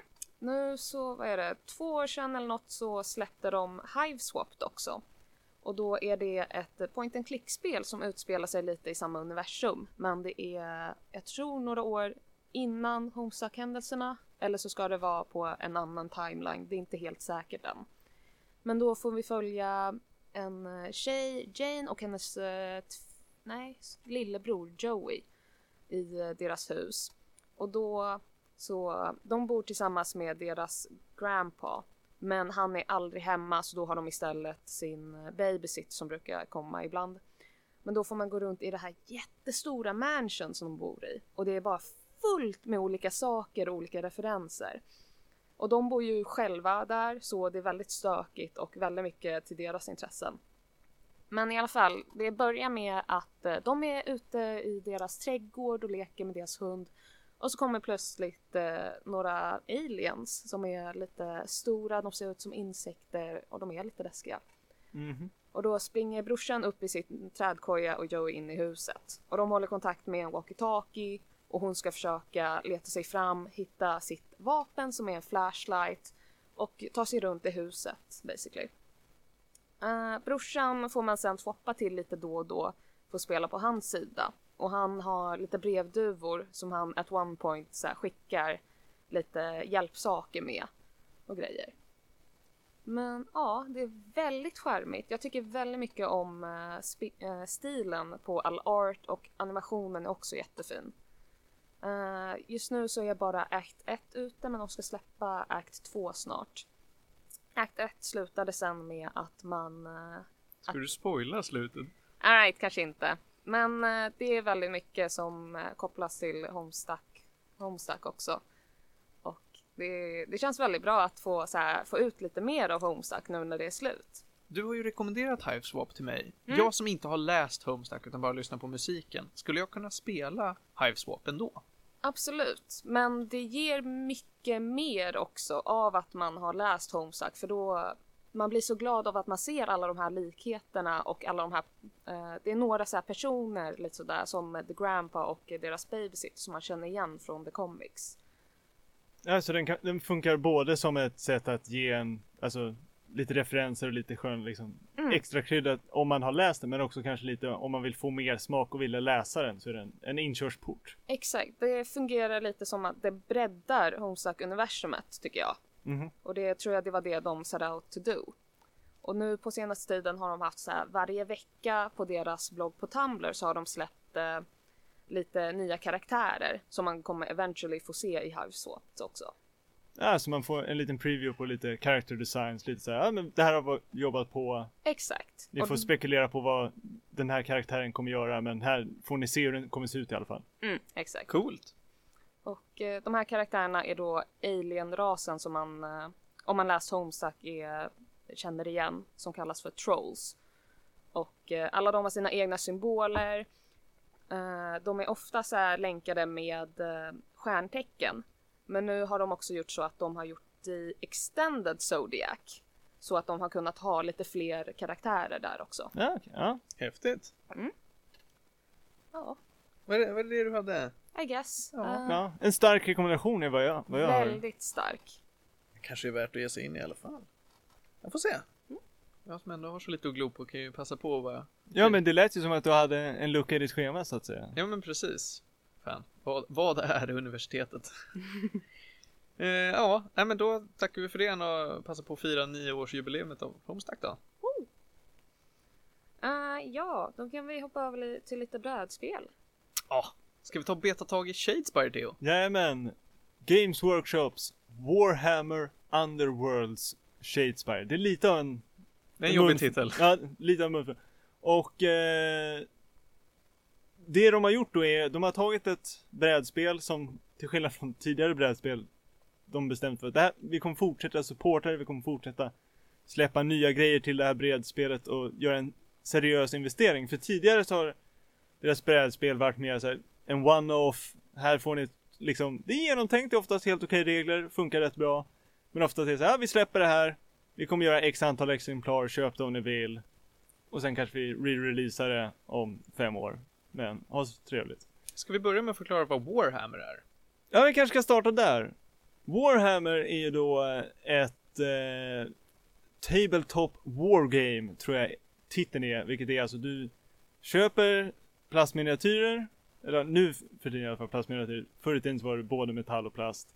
Är det bara plast nu för tiden? Nu är det nästan, då, du kan fortfarande köpa lite det, det finns både metall och resin som de använder Jag gillar mina tennsoldater. Ja, precis. Men alltså de har Teknologin har kommit så långt så nu kan man göra så fina detaljer i plast så de har gått över helt till det, vilket har bör... Till en början med drog det ner priset. Nu har priset jobbat sig upp igen för att de nu använder så mycket detaljer och så mycket fina grejer så att det har lite, det har jämnat ut sig. Kan vi avslöja. Det, det är fortfarande en väldigt dyr hobby. Eh, men då var det, man liksom köpte de här modellerna, man byggde sin armé, målade sin armé och sen slogs man mot en annan person som hade en armé och man slog tärningar, man hade trevligt. Det finns olika lag, det finns lite lore, det finns myspys. Ja, och det är det, det, det de jobbade på var mycket, de byggde upp massa lore, massa böcker för det här. Och eh, först, de började med fantasy, sen skapade de 40K, som då är Warhammer 40,000, vilket är det jag tror de flesta känner igen. Det är Space Marines, det är orker med yxor med motorsågar, det är eh, Eldar. Eldar, rymdalverna som vi kallar dem. Det är liksom Tau, det är liksom Anime Mex, drops in, laserkanoner, hela tjofräset. Eh, och sen så gjorde de nu, sen, som vi nämnde tidigare i programmet, en re-release av Fantasy. Då Fantasy började sälja väldigt dåligt för det var, det var väldigt dyrt att komma igång med. Det var väldigt komplicerade regler, du var tvungen att ha massor med regelböcker för massor med pengar och de var så här, ja men vi gör 40K är vår stora liksom cash cow, det är där vi tjänar våra pengar, vi har flest spelare där. Låt oss göra fantasy till ett lite mer approachable, lite enklare spel. Mindre regler, lätt att plocka upp. Svårt att mästra, det finns fortfarande, på grund av att det är relativt få regler så finns det massor med liksom komplexiteten kommer från vad som står mellan raderna, att det, det är väldigt öppet. Så helt plötsligt upptäckte folk att så här, det här är, man riktigt duktig kan det här spelet bli rätt svårt. Men alltså från förutsättningar så var det så här, ja men rätt enkelt och nå- något som var liksom väldigt revolutionerande var att de bestämde sig för att nej men de, de, det mesta av reglerna är gratis. Man behöver inte längre köpa fyra böcker för 300 spänn styck. Bara för att kunna spela. Utan, Bam! Det- Age of Sigmar. ja. Och eh, lårmässigt blev folk lite upprörda för att världen sprängdes och lite sånt här. Men om vi då hoppar över till Shadespire. Vilket var då de sa så ja ah, men vi har det här spelet. Nu skulle vi vilja göra en eh, vad heter det? CCG, heter det? En card builder Jaha, ja. Så att det man har då är att man har Man startar med ett lag, man får mellan tre till sju modeller Och sen så Alla lagen är fasta så Man har sitt lag om det är liksom, det kan vara skelett, det kan vara Orcher. Orker, vi har eh, Skaven Vi har inga alver än men det, det ryktas om att de ligger och väntar i, runt hörnet Skriven är ju små härliga rått eh, humanoida människor. Jajamän, vi har, vi har spöken på G och sen har vi ju deras De nya Stormcast Eternals, vilket då är de här Space Marines liknande. Det är eh, hjältar från tiden som eh, The God King, Sigmar, valde att säga, ja men du håller på att dö, jag kommer rädda dig, ta din själ och smida om dig med hjälp av min blixtmagi och göra dig till en gigantisk krigare som kan få slåss för mig i min gudarmé. Så det är lite så här Valhalla, lite änglar, liknande inspirera- inspiration där, vilket är, ja men det är lite Space Marines över det. Och sen har vi Korn. Blood for the Blood God. Jajamän, vi har ju de, de härliga barbarerna som bara tycker om att huggas och slåss hur mycket som helst. Och det som gör det då mer än bara ett brädspel och det som gjorde att det klickade för så många var att de var så här, ja ja, vi har där, vi har de fasta lagen och sen har vi din kortlek som du då använder för att spela spelet. En som är, vad ska man kalla för, quests, uppdrag. Med så här, du drar tre sådana, så du har tre kort på handen hela tiden och så jobbar du igenom dem för att få poäng för att då kunna sen, den som har samlat mest poäng vinner. Och eh, sen har du också en kortlek med uppgraderingar till dina personer och med ploys, så, tricks och knep för att sabba för motståndarna och få hjälpa dig. Och de här två kortlekarna får du bygga, det finns lite regler hur man får bygga dem, men du får bygga dem helt själv. Och det är där komplexiteten i spelet kommer ifrån och också därifrån som glädjen skulle jag säga. Och eh, det påminner lite om folk känner till Star Wars Armada tror jag det heter. Där man har eh, Star Wars rymdskepp, man har en kortlek och kör. Och fördelen, om jag vill säga så då, med Shadespire, vilket är jag tror att det var något som de bara tänkte sig på, är att du får bara ha ett av varje kort. Så att du behöver aldrig köpa, för så som med många av de här, både Star Wars Armada och det finns andra också, men Shadespire, är att för att få korten så, startlådan, spelet, man får brädpla, brädplanen, tärningar, liksom modeller. Och så kommer det med en uppsättning kort. Och sen finns det expansioner med extra lag och extra lagen kommer också med kort, några som är specifika för det laget och sen en rätt stor mängd kort som är eh, generella kort som alla kan använda. Och fördelen som de gjorde var att de sa man får bara ha ett kort av varje, eller en, en variant av varje kort i sin lek. Så du kommer aldrig behöva köpa samma liksom extra grej igen bara för att få en extra uppsättning av kortet. Vilket gör att många klagar på med just Star Wars Armada att så här, jag måste tyvärr köpa tre stycken av det här rymdskeppet som jag ändå inte kommer vilja använda för att just det här specifika kortet finns i lådan som jag behöver för det är tokbra. Eh, och det det är ett bra sätt att tjäna pengar på men också inte den bästa player experiencen. Så det, det var något som jag uppskattade att de gjorde för det hade varit väldigt lätt för dem att göra den grejen och de var såhär, nej men vi gör istället fortsätter vi släppa nya lag med nya kort. Eh, och varför vi tar upp det nu är för att eh, de är precis klara med vad de kallade för säsong 1 av Shadespire då. Och så som de la upp det var att så här, Warhammer Underworlds är själva titeln på spelet. Eh, alla kallar det för Shadespire för det var säsong 1. Det var den staden som första säsongen utspelar sig i. Och eh, de har nu släppt sex lag. Och det ryktas om att det kommer två till till sommaren här. Eh, så att det är runt, jag tror att det är runt 500 kort totalt om man vill ha alla. Man behöver inte ha alla dock. Man klarar sig rätt bra på eh, ja, jag skulle säga man klarar sig rätt bra på startlådan och sen så kanske en uppgradering beroende på vilket lag man vill ha. Det skulle jag säga. Alltså jag, jag, det kommer vi debattera om en liten stund, men jag tycker inte att startlådan räcker lite, riktigt. Nej, alltså för det Jag och Martin har ju spelat här några gånger nu för att kunna ge er en insikt i hur vi tycker att spelet funkar. Och det är Det är relativt balanserat. Det som dock är tråkigt är att startlådans två lag, vilket då är Korn, Blood for the Blood Gun och då Stormcast. Stormcast, The Poster Boys, The Space Marines. Och eh, de två lagen är en, alltså båda är mekaniskt sett rätt enkla att förstå, så jag kan förstå varför de är i. Dock så är det en rätt dålig matchup för Korn. För Stormcast har en rätt stor fördel mot dem. Och för att få Korn riktigt bra så skulle man behöva ha extra kort. För det är inte så att det är omöjligt för Korn att vinna. Men med de korten som ingår i startlådan blir det svårare. Ja, det blir något svårare, så det är alltid en lätt fördel. Vilket kör eh, märkligt att, men det kan också vara för att de har väldigt olika playstyles. Ja. Vilket kan vara varför. Ja, de har olika mål och sådär. Ja, Vilket, eh, ja men det, det känns lite viktigt mot Stormcast. ja. Hur många matcher har vi kört nu som är just Corn Stormcast? Jag tror att vi har kört Fyra. fyra eller något sånt. Och jag har vunnit en. Du har vunnit en som Korn, jag har vunnit en som Korn Ja, så det har jag gjort. och sen har jag vunnit två som Stormcast. Ja. Hur vinner man då? Är Man det de samlar- här questen? Ja, man klarar Ja. questen. Eh, man spöar på andra karaktärer. Dödar man en karaktär så får man ett poäng. Klarar man ett quest får man mellan ett och fem poäng. Nej, det- Det finns kort som har mer poäng. Det finns ett kort som ger sex poäng tror jag. Okej. Eller Ett. sju till och med. Oj, oj, oj, vad mycket poäng. Ja. Eh, och sen så spelar man då i tre runder kan man säga. Vi kommer förklara hur det går till. Ja. Men eh, i slutet av runda tre, då så räknar man poängen och den som har flest poäng vinner. ja. Nej.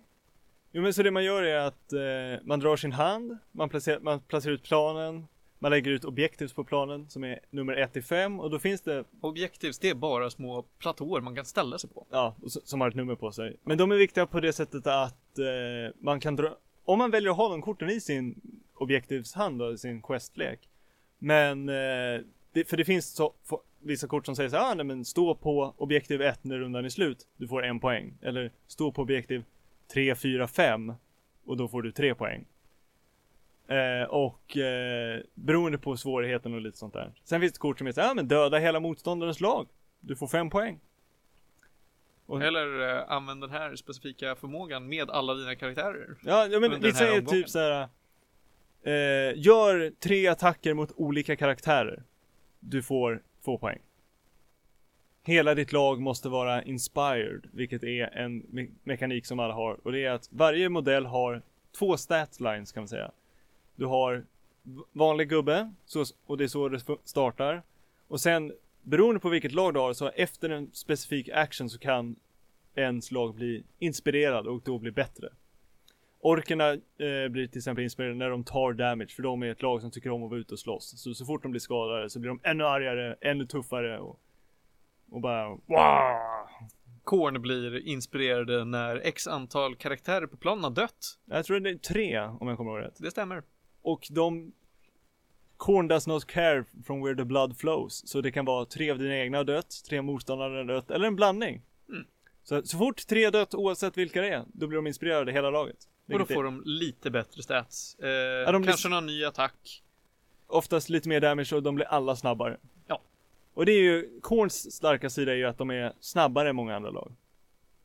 Men de är också rätt, eh, Bräckliga. ja, de har inte jättemycket till rustning utan de de är ju Bear Midrifts gänget om vi kan säga så. Det är mycket, jag har rustningsbrallor och schyssta abs. Och nu har vi ju spelat fyra olika lag i det här spelet. Och alla styrs ju väldigt olika. Alltså alla olika mål, alla olika playstyles. Ja. beroende på vad för quests man drar, vilka objectives man liksom plockar upp på sin hand, eller vad heter de då? Objective cards heter. Objective cards ja. Eh, så eh, får man ju då välja att spela spelet lite på sitt eget sätt. Men eftersom att man har konstruerat leken själv så borde man ju ha något typ av hum om när man väl sätter igång med spelet. Men så här kommer jag att styra den här matchen. Särskilt i den här matchupen liksom. Ja, Har vi spelat Korn mot Stormcast x antal gånger, då vet vi att ja, men Korn kommer vilja göra det här för att de flesta av Martins kort kommer kräva att han spöar på x antal dudes eller Ja. något sånt där. Men det är också det som, när man får fler kort så får du också möjligheten att byta playstyle till en viss grad. Du vet att Korn kommer vilja försöka mörda folk för att det är så han blir inspired och bli- blir bättre. Och många av de corn specifika objective cardsen, om man väljer att använda dem, är ju att döda saker. För det, det är vad Korn tycker om. Let the blood flow. Men eh, ja, man kan även spela en väldigt så här, objektiv fokuserad lek då man är såhär, nej men hela min grej, jag ska hålla objektiv 1 till 5, jag ska hålla tre objektiv, jag ska hålla alla objektiv på motståndarens sida av planen. Det går att ändra sin playstyle och det kan överrumpla en- sin motståndare om de inte är beredda. Så att något vi kom fram till rätt snabbt efter, jag tror det var efter match två, att det är väldigt viktigt att veta alla sina kort i Innan sin man lek. igång. Ja, För att om man bara chansar, alltså när man spelar det första gången, då blir det lite knivigt. Eh, om man inte är inläst liksom. Det är mycket testa sig fram. Ja. Vilket inte är så bra för att den inlärningskurvan på att testa sig fram är rätt hög. Ja, för det är också det är olika så här kombinationer av kort som säger ah, den här uppgraderingen är bra på den här snubben för att det kan hjälpa mig klara ett visst uppdrag senare om jag skulle dra det. Och det är svårt att planera om man inte har stenkoll på vilka uppdrag man har lagt i sin lek. Ska vi ta och förklara lite lätt hur spelet går till? Ja, så att man startar med att eh, välja en spelplan. Det finns, för tillfället finns det fyra spelplaner kan man säga. Eh, eller s- spelhalvor. Och troligtvis kommer man ha en uppsättning, även om spellådan rekommenderar att man har två. För du får välja från alla fyra sidorna, eller alla fyra planhalvor. Men det du gör, ena spelaren lägger ut sin planhalva. Och sen får den andra spelaren lägga ut sin planhalva. Och de spelplanerna måste inte vara, det här är svårt att förklara, men de behöver inte vara exakt jämna utan du kan ha en förskjutning. För att det är som, det är... Rutnät. Ja men precis, Hexagonala rutor. ja det är hexagonala rutor på spelplanen. Och så länge, jag tror minst tre av dem sitter ihop, så är det en korrekt board. Så du kan ha, du kan bygga choke points om du vill. Eller du kan lägga dem på långsidan. Så det behöver inte vara en jämn planhalva eller en, en symmetrisk planhalva på så sätt. Eh, sen när det så placerar man ut sina modeller på planen, man placerar ut objectives och sen drar man. Och sen börjar runda ett. Och då har båda spelarna har fyra activations som det kallas för. Så att du kommer få aktivera fyra modeller Under en runda. under en runda. Spelet är tre runder och mellan varje liksom set av fyra activations så är det vad de kallar för the end phase. Där de flesta objectives, eller de här questkorten då, scoras. Där man får poäng för dem. Det finns några questkort som är såhär, ah, har du uppfyllt de här kraven så får du scora det här kortet direkt. Vilket är bra för då betyder det att du får dra ett nytt uppdrag för samma runda. Eh, och du och vill ju... du får poäng direkt som du kan använda för att exempelvis spela upgrades. Ja, jo men för det var dit jag tänkte komma. Det finns två typer av power cards, vilket är den andra leken som du har byggt. Vilket är hälften av de korten måste vara ploys, eller nej, hälften måste vara upgrades. Och sen så upp till hälften får vara ploys, du får ha mindre också. Och det är jag tror ett minimum av 20 kort. Eh, och då är det så, de här poängen som man samlar ihop kan man använda för att uppgradera eh, sina spelare, eller sina pjäser. Och det här gör inte att du får mindre poäng när man räknar upp hur många poäng. För spenderar eh, Glory är som, fortfarande din glory. Ja exakt. Glory är namnet på poängen i spelet. Men du kan spendera dem för att göra uppgraderingar. Och eh, det här är mest bara som en mekanik de har lagt in för att se till att ett hinder för att du inte ska kunna uppgradera någon på tok för mycket för tidigt. Utan de vill få en jämn balans, eller en, vad heter det, power curve genom spelets gång. Mm. Och så gör man det här x antal gånger. Eh, man kan välja att ens karaktär ska springa fram och slå, den kan ställa sig och skydda sig själv och så vidare och så vidare. Men du gör alltså fyra activations, det händer lite grejer. Fyra activations till, händer lite grejer. Fyra activations till, händer lite grejer. Bam! Den som har mest glory är klar. Jajamän. Svårare än så behöver det inte vara. Eh, jag tycker det är ett bra spel. Ja. Alltså särskilt nu när vi har spelat med olika lag, experimenterat med att ta in nya kort, byta ut sina lekar lite och testa olika playstyles. Ja, det, det är lite då spelet öppnar sig. Och det är det som har gjort mig mest imponerad är hur olika lagen känns. Oh ja, de känns för, alltså helt olika. Jag tyckte, alltså, Korn jämfört med Orcher var kanske inte jätteolika för att båda ville slå mycket. Ja, i, I playstyle är de ju lika med tanke på att båda tycker om att slåss. Men i hur de gör det, med tanke på att orkerna de har mycket mer HP, de tål mycket mer stryk, de vill ta stryk för att bli inspired. Man kan spela, inte vårdslöst, men man kan spela riskabelt på ett annat sätt. Ja, Man, man får våga ta risker med Orcherna. ja. Det får man kanske inte med Korn för att... Nej, i Korn så har du väldigt mycket Korn jobbar mer med trades. Du kommer kasta in en snubbe, hoppas att han gör damage, men han kommer troligtvis dö sen. Och då är det hoppas att du har gjort lite damage innan han dör. Eh, Medan vi har Skaven som är liksom Gör väldigt lite damage Men är toksnabba, springer runt och tar objectives släng- många är de också. Ja, många eh, De kan eh, slänga kaststjärnor, de har ranged attacks. Ja, det är de spelar helt annorlunda och sen eh, och de, Du har inte hunnit spela dem, men jag spelade mot dvärgarna här i veckan. Och de är också helt annorlunda, för de är första rundan jättelångsamma. Men sen så blir de inspirerade när de håller ett objektiv. Och då, för att de är liksom gold hoarders och säger ja, ah, vi tycker om guld för vi är dvärgar. Och sen när de har gjort det, då blir de tokarga. Och gör så mycket damage så det finns inte på kartan. Alltså jag, jag men som sagt, jag gillar det här spelet när vi väl har fixat uppgraderingarna. Men som startlåda så jag, jag var inte nöjd alltså. Jag var ganska sur efter att ha spelat många runder. Jag tyckte inte att det räckte för att skapa en bra upplevelse som håller. Nej men det känns som startlådan är Det är mest för att få liksom en prova på smak. Det, det är okej. Och det är synd för det är väldigt dyrt.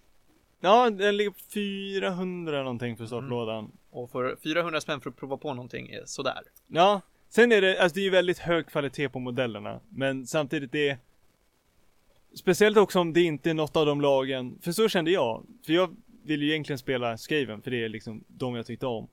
Och även dvärgarna tycker jag verkar coola. Men Speciellt när spelet kom, för då fanns det bara startlådan.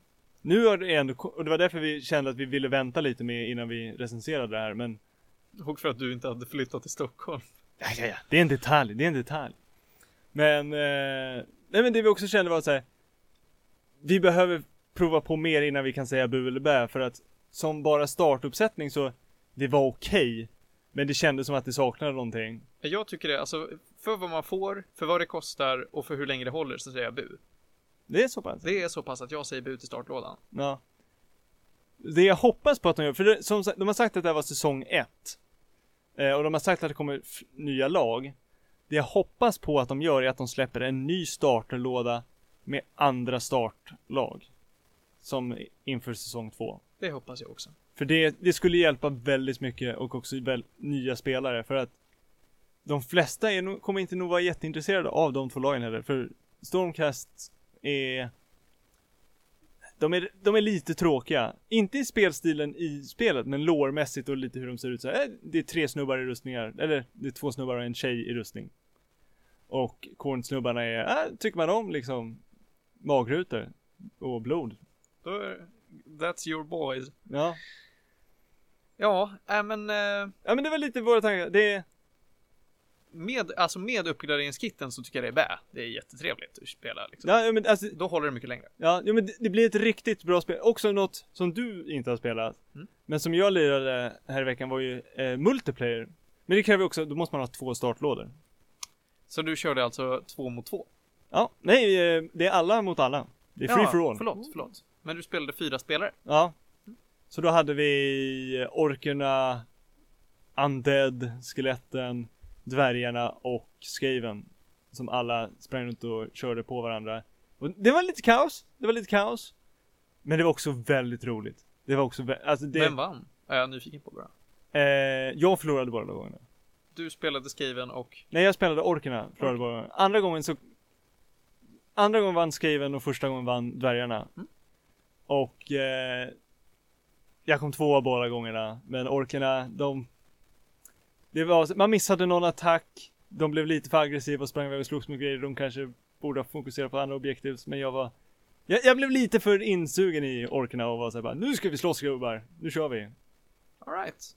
Ja men uh, Shadespire alltså. Det är en dyr hobby, men det kan vara värt det. Ja, och det är mycket, mycket billigare än... Ja, eh, de spelar vanliga Warhammer. Ja, exakt. Så, det, så kan man ju se på det. Men alltså det är, jag tror att det är 200 spänn per lag, vilket är ett rimligt pris. För det är liksom schyssta modeller och det är kort. Så det, det, är, det är lite dyrt, men det är fortfarande så här, det är, ett- det det, de hade kunnat ta mycket mer, så att det tyckte jag var såhär, ja men det är ett rimligt pris. Jag tror att det är någon 460 spänn för startlådan och det är där, det är lite där det svider. Hade den legat på 400, kanske till och med så 380 så hade jag varit mycket mer villig att säga så här, ja men det är bara, det är bara att köra. Nu är det lite så här, ah, nej men jag höll på att säga, hitta en kompis där man kan testa det med. Mm. Eller om man är Vet man att man tycker om card builders och är, så är, kan det här vara ett fantastiskt spel att spela. Eller om man har ett Om man har ett gäng som man spelar mycket brädspel med Så skulle jag också rekommendera det. Men bara så här Ha lite kul då och då Försiktigt positivt skulle jag påstå. Och där tar vi och släpper Shadespire, för nu har vi pratat om det i 20 minuter. Hoppsan. Ja men det, det var mycket. Yes, Ronja, andas in. Ah, jag tänkte fråga hur lång tid tar det att köra en match ungefär? En timme? Eh, i början tog det det, men jag, jag skulle säga 35 till 40 minuter om man kan, vet man vad man gör. Det är rätt snabbt. Ja, Ja, det är inte så farligt. Alright, men då hoppar vi över till lite anime. Och då kan vi börja med backen så att vi hinner med det. Ja, precis. Nu när vi alla tre som har sett Backarna och är här. Yay. Om det var förra avsnittet eller förrförra avsnittet så pratade jag om att eh, jag ville prata om den här serien. Jag pratade om Death Parade eh, och så har jag pratat om den här Dead Man Wonderland och sagt ja men vet ni vad hörni, Backarna, den ska vi ta någon dag. Och så nämnde jag lite kort vad den handlar om.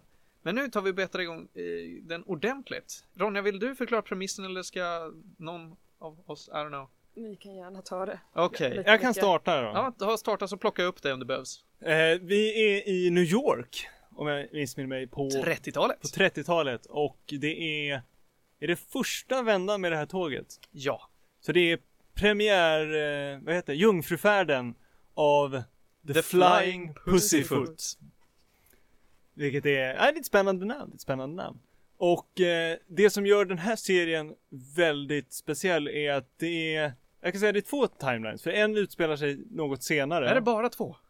Jag Nej, trodde det, fan det var nej, fler. Det är fler, men alltså det är två huvudgrejer. Och sen så är det massa flashbacks. Men rent tekniskt sett, det är två timelines. En som är, säg att den är liksom så här 1930, 40 någonting, alltså slutet där. Mm. Och en som är tidigt. Jag kommer inte exakt ihåg Ja, tyvärr. den är väl eh, så här, ja, 1700-1800-tal. Tänker du på den? nej, nej, nej. Bara Det är mellan... en flashback, ser du det som? Det, det är en flashback. Okej. Eh, men så du har de två. Du har en liksom första gången tåget åker, som är lite huvudtimelinen. Och sen har du en timeline som är eh, där berättarrösten, eller där vi startar ja, i alla fall. Ja, den, okej. Som är kanske 5-10 år senare. Och det är där vi startar. Och det som är, gör den här serien unik, är att vi får, och varför det är svårt att hålla koll på hur många timelines det är, är för att även om det är, vad jag skulle påstå, det är två timelines, en som är lite senare där berättarna berättar om den här första tågresan, så får du inte den tågresan i kronologisk ordning, utan du får den från olika karaktärers synpunkt, vilket betyder att många händelser, Får du se igen? du får se dem igen, du får se dem från andra håll, och helt plötsligt blir det så här, aha, vi startade tidigare med, den här med den här karaktären, för den karaktärs story startade tidigare, eller den här karaktären kanske startade halvvägs in, så att du får samma timeline, men vi hoppar runt i den. Och sen så hoppar vi fram då och då till den här uh, huvudtimelinen då, och sen är det även flashbacks till 1700-tal, långt tidigare. Så det är lite rörigt. Och de Och- gör det här på 16 avsnitt, mind you. Ja.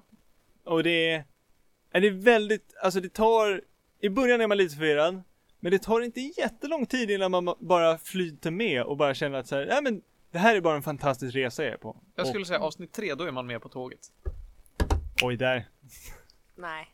Inte Alltså- det? Jag tycker den var ganska bra. Ja den, klart godkänd. Den var snabb, den var snabb. Nej, men jag tycker den var bra också. Okej, fine, fine, fine. Det är ni som bestämmer. Ja. Eh, nu kommer jag helt av Ja, mig. men Tack. förlåt då. Det var, Nåväl. det, var, det var ett sånt skämt alltså. Ah, Men, eh, ja men och det som den här serien också gör är att den har väldigt många karaktärer.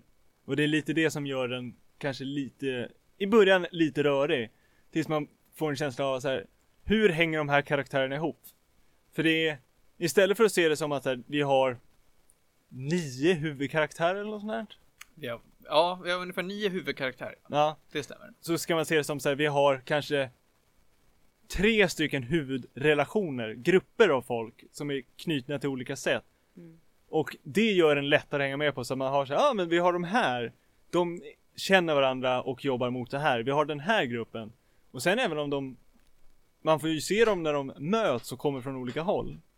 Men, Ja, just det. Nu har inte jag stängt dörren in till studion, så nu kommer väl antagligen Fabian. ja, nu händer det grejer. Yes. Men, eh, ja men det flyter på och eh, helt enkelt så har vi då de här olika karaktärrelationerna som man följer istället för bara karaktärerna. Jag tar och stänger den här dörren så inte Fabian... Ja, men Ja, tack Fabian. Tack Fabian. Han fixade det, han, han var med på banan. Inte på tåget då. Jag tyckte vi släppte tåget grejen där. Okej. Det var... Vi, vi skjuter inte på öppna mål Martin, vi skjuter inte på öppna mål. Sparka in öppna dörrar då. Men vad är det då som händer på det här tåget? Det mördas. Det en del mord, det är en del eh, våldsamma psykopatmänniskor. Ja, det är två olika grupper också som ska utföra... Ett, en grupp ska väl utföra något rån eller Mm. ta någon hostage. Ja, det, det stämmer faktiskt. Det är en grupp som ska råna, en grupp som ska mörda hela skiten. De är och- klädda i vitt. Ja, och en grupp som ska mörda specifika personer. De är klädda i svart. De är klädda i Mm. svart, ja. Så det är tre, vi har tågrånarna, vi har tågpsykopatsmördarna och sen har vi lite tåg-assassin-gruppen. Och de här har ju mycket, mycket roliga eh, sammandrabbningar för att de inte är medvetna om varandra. Mm. Och när de sakta men säkert inser att vänta nu, det var inte vi som gjorde det här, det var någon annan. Och varför har de här panik över någonting som vi inte har gjort? Då blir det ganska roligt. Ja men alltså det blir ju, vad heter det, lite happenstance. Det är lite så här: oj hoppsan, vi har inte koll på vad som händer. Och kommer det ensues liksom. Just det här, ja men var det du som högg honom? Nej det var inte vi, vi har inte gjort det här. Fast vi ville döda honom egentligen. Fast nu kan vi backa och säga, det var inte vi. Eh, fast det var vi, fast nej, jo, kanske. Vänta, jag måste bara snacka med min kollega, han kanske har koll. Vänta, jobbar du på det här tåget? Nej, hemskt, hemskt roligt är det. Eh, och det fokuset av det hela är ju eh, både att några vill få jävligt mycket pengar och att några håller i, alltså det vad det heter? Det är ju under the prohibition på 30-talet, alltså spritförbudet, så det är lite spritsmuggling, det är lite smuggling av eh, magisk dryck så att säga. Ja, jo men det, det är lite blandat där. Ja, det finns ett eh, övernaturligt element. Ja, vilket... Eh, ja, det är en rätt snygg reveal och de knyter in det rel- relativt härligt faktiskt i storyn. Vilket... Men det är också ett av elementen som gör den kanske lite förvirrad tidigare i serien. Ja, då, jag tror att det är första avsnittet som en snubbe blir skjuten i huvudet och sen bara reser sig upp en stund senare och bara, det där var jobbigt. Ja, och det är då man får så här hoppsan, nu är vi med på en resa. Absolut. Eh, det är mycket, alltså det är en väldigt snygg animationsstil skulle jag säga. Det, det är, alltså vad ska man säga, jag kan inte säga att det är bra koreograferat för att det är, det är Ja, tecknat. men det är det ju ändå. Alltså även om de har ritat alla movesen så är det någon som har tänkt igenom det innan de ritade till det. Så det är ju koreografi på sätt och vis. Mm. Det är också samma skapare som har gjort eh, animen Durarara. Ah. Och det, båda är väl eh, mangas från början va? Ja. Ja. Också av samma snubbe tror jag. Precis. Om jag kommer ihåg rätt. Precis. Mm, Eh, väldigt nice karaktärer också. Alla karaktärer är olika från varandra och man kan verkligen fästa sig vid alla dem. Och man Ja. köper alla faktiskt. Mm. Det är ingen som känns så här överdrivet ja, konstig är ju många av dem. Mm. Ja men alltså de är, de är alla genomtänkta och alla har sina egna motiveringar och sina egna relationer. Och alla har sin egna roll i den här storyn också. Ja. Jag skulle vilja slå ett slag för, för tre av dem särskilt. Jag, förra avsnittet tror jag att det var, då pratade vi varmt om de här Isaac och Miria. Som i, inte tillhör något lag egentligen. Äh, de är ju de sitt eget lag. glider mycket. Mm. De glider de underbart och, och mest eh, har sin egen agenda. Men interagerar med jättemånga av de här karaktärerna i storyn. Och eh, nu har jag ju som sagt sett den här på engelska. Theo, du har sett den på båda Jag har sett dem på båda. Ja, jag har sett delar av den på, på Jap- Jag har sett de första fyra har jag sett på japanska. Men Isaac och Mirias röster på engelska är, Äh, de är de fantastiska. är helt Mm. underbara. Alltså de har ju eh, en, eh, överlag skulle jag påstå en väldigt bra engelsk vo- eh, voice acting cast. Alltså Mm, de har valt verkligen. väldigt bra skådespelare för det. Och jag skulle nästan, jag föredrog, jag som har sett jag föredrog den på engelska för att det passade bättre med tanke på att de var i New York. Ja. Det, det kändes Alla bättre. namn är på engelska. Ja, vilket gjorde det lite förvirrande när de pratar. Flying Pussyfoot. Ja, jo, men också eftersom det, det, alla har engelska namn för att de är i New York. Vilket gör att när de pratar japanska så blir det så här, ja, ah, japanska, paus, engelskt namn och sen fortsätter de på japanska och det, det flöt inte riktigt lika bra. Den sista karaktären jag skulle vilja slå ett slag för är, jag tror att han är ledaren av de här vitklädda psykopat-assassins. Man heter Lance eller någonting. Var inte Ja. Lando? Lando. Ja, det är en Eh, karaktär i Star Wars. Nej men jag tror han heter, han, han heter, jag tror han heter Lando ändå. Mm. Eh, han han är jävligt, han är jävligt psyko. Han är en fruktansvärt psyko, han är väldigt badass. Hans kropp tål en hel del. Så att jag tror att det är, det kan jag nog spoila. Till första avsnittet så har jag för mig att han har slagit, alltså han har stått ovanpå tåget, slagit en sån här P, alltså en, någon typ av stolpe eller pelare eller någonting. Så hårt att han har krossat både den och hela hans ben i armen bara sticker ut till höger och vänster. Och han bara, det här är väl ingenting. Det är en fruktansvärt brutal och våldsam anime skulle läggas till. Ja, jo men alltså det är mycket, han heter Lad Russo. Lad Russo. Det blir Lando. Ja. Han, är, han är häftig. ja men och det är också, det är många bra namn på karaktärer. Ja, vad är det, den, eh, vad är det han med ansiktstatueringen heter? Jacuzzi Spot. Just det! Där har du, Splott är det väl Han ändå var till och med? så Ja, Splott gullig. kan. Jacuzzi Splott. Eh, ja, eh, vad, vad är det hans eh, sidekick-tjej heter? Eh, hon heter typ Nick eller Nice eller nåt sånt här, Holy Stone. Ja, precis. Holy Nej, Stone. Nice Holy Stone. Nice Holy Stone. Nice Holy Stone. Många bra namn som sagt. Ja, men det är, alltså det är 16 avsnitt av ren magi. Jag tycker att det här är den bästa animen jag sett. Både på grund av karaktärerna, både på grund av de fina scenerna, för att storyn är superspännande. Alltså det, jag, jag hade ju aldrig sett något liknande. Jag har inte sett någonting Nej, liknande är förutom väldigt- Durarara idag. Ja, nej, men den är väldigt ambitiös och karaktärerna påminner hur karaktärerna är i uh, Durarara. Det, är- det är många karaktärer med olika relationer och det är, det är lite liksom random stuff happens. Men den här känns mycket mer genomtänkt och storyn är mycket tajtare. Ja, den är mycket, mycket tajtare. Alltså särskilt säsongen av två av Durarara släpper mycket av, av det som kändes tajt i den första och öppnar upp mer, vilket förstör stämningen. Här har man ändå tåget som en central punkt. Mm. Istället för att ha, som i Durarara då, en hel stadsdel som någon typ av central punkt. Det är väldigt bra musik också i det. Oh ja. Ledmotivet i, som heter Guns N' Roses är fruktansvärt bra. Ja, Du det, har väl fortfarande det som ringsignal? Ja, det är min ringsignal på min telefon. Ja. För att det, ja, det, är- det är en riktig svängig bit, skulle jag påstå. Jag tror vi faktiskt ska gå ut på det idag. Mm. Skulle jag vilja göra. Ja, Är det någon som har något emot det? nej det tycker jag låter väldigt trevligt. För nu är det nämligen dags för oss att avsluta dagens program om ingen har något mer att tillägga. Ja, Kanske värt att se den här serien fler gånger än en gång så att man verkligen eh, ja men man kan, förstår allting och hänger med. Ja men man, alltså den är helt klart värd att se om för man plockar upp på grejer som man missade förra vändan. Mhm. Mycket. Men eh, en stadig 9 av 10 gäddor. Verkligen. Ja, verkligen, verkligen. Alltså jag, jag vet inte vad som skulle dra ner den för mig egentligen. Från, från, från en tia. När släpptes den? Pass. Eh, För den känns fortfarande väldigt eh, fresh. Även om Ja, det var typ tio år sedan eller något kanske. Ja, Tio vill jag kanske inte säga, Nej, men det kan ha varit sådär sju kanske. Jag vet inte. Den släpptes eh, sommaren 2007. Precis, ja 2007, då var det ju fan 11 år sedan. Ja, Shit, så den, den har varit med ett tag. Ja. Men Ja. då tycker jag vi, då, Vi tackar där och går Och ut på lite- Guns N' Roses. ja, lite saxofon. Ja, precis. Eh, puss och kram, det här har varit Medis Radio Trendigt Värre. Hej då!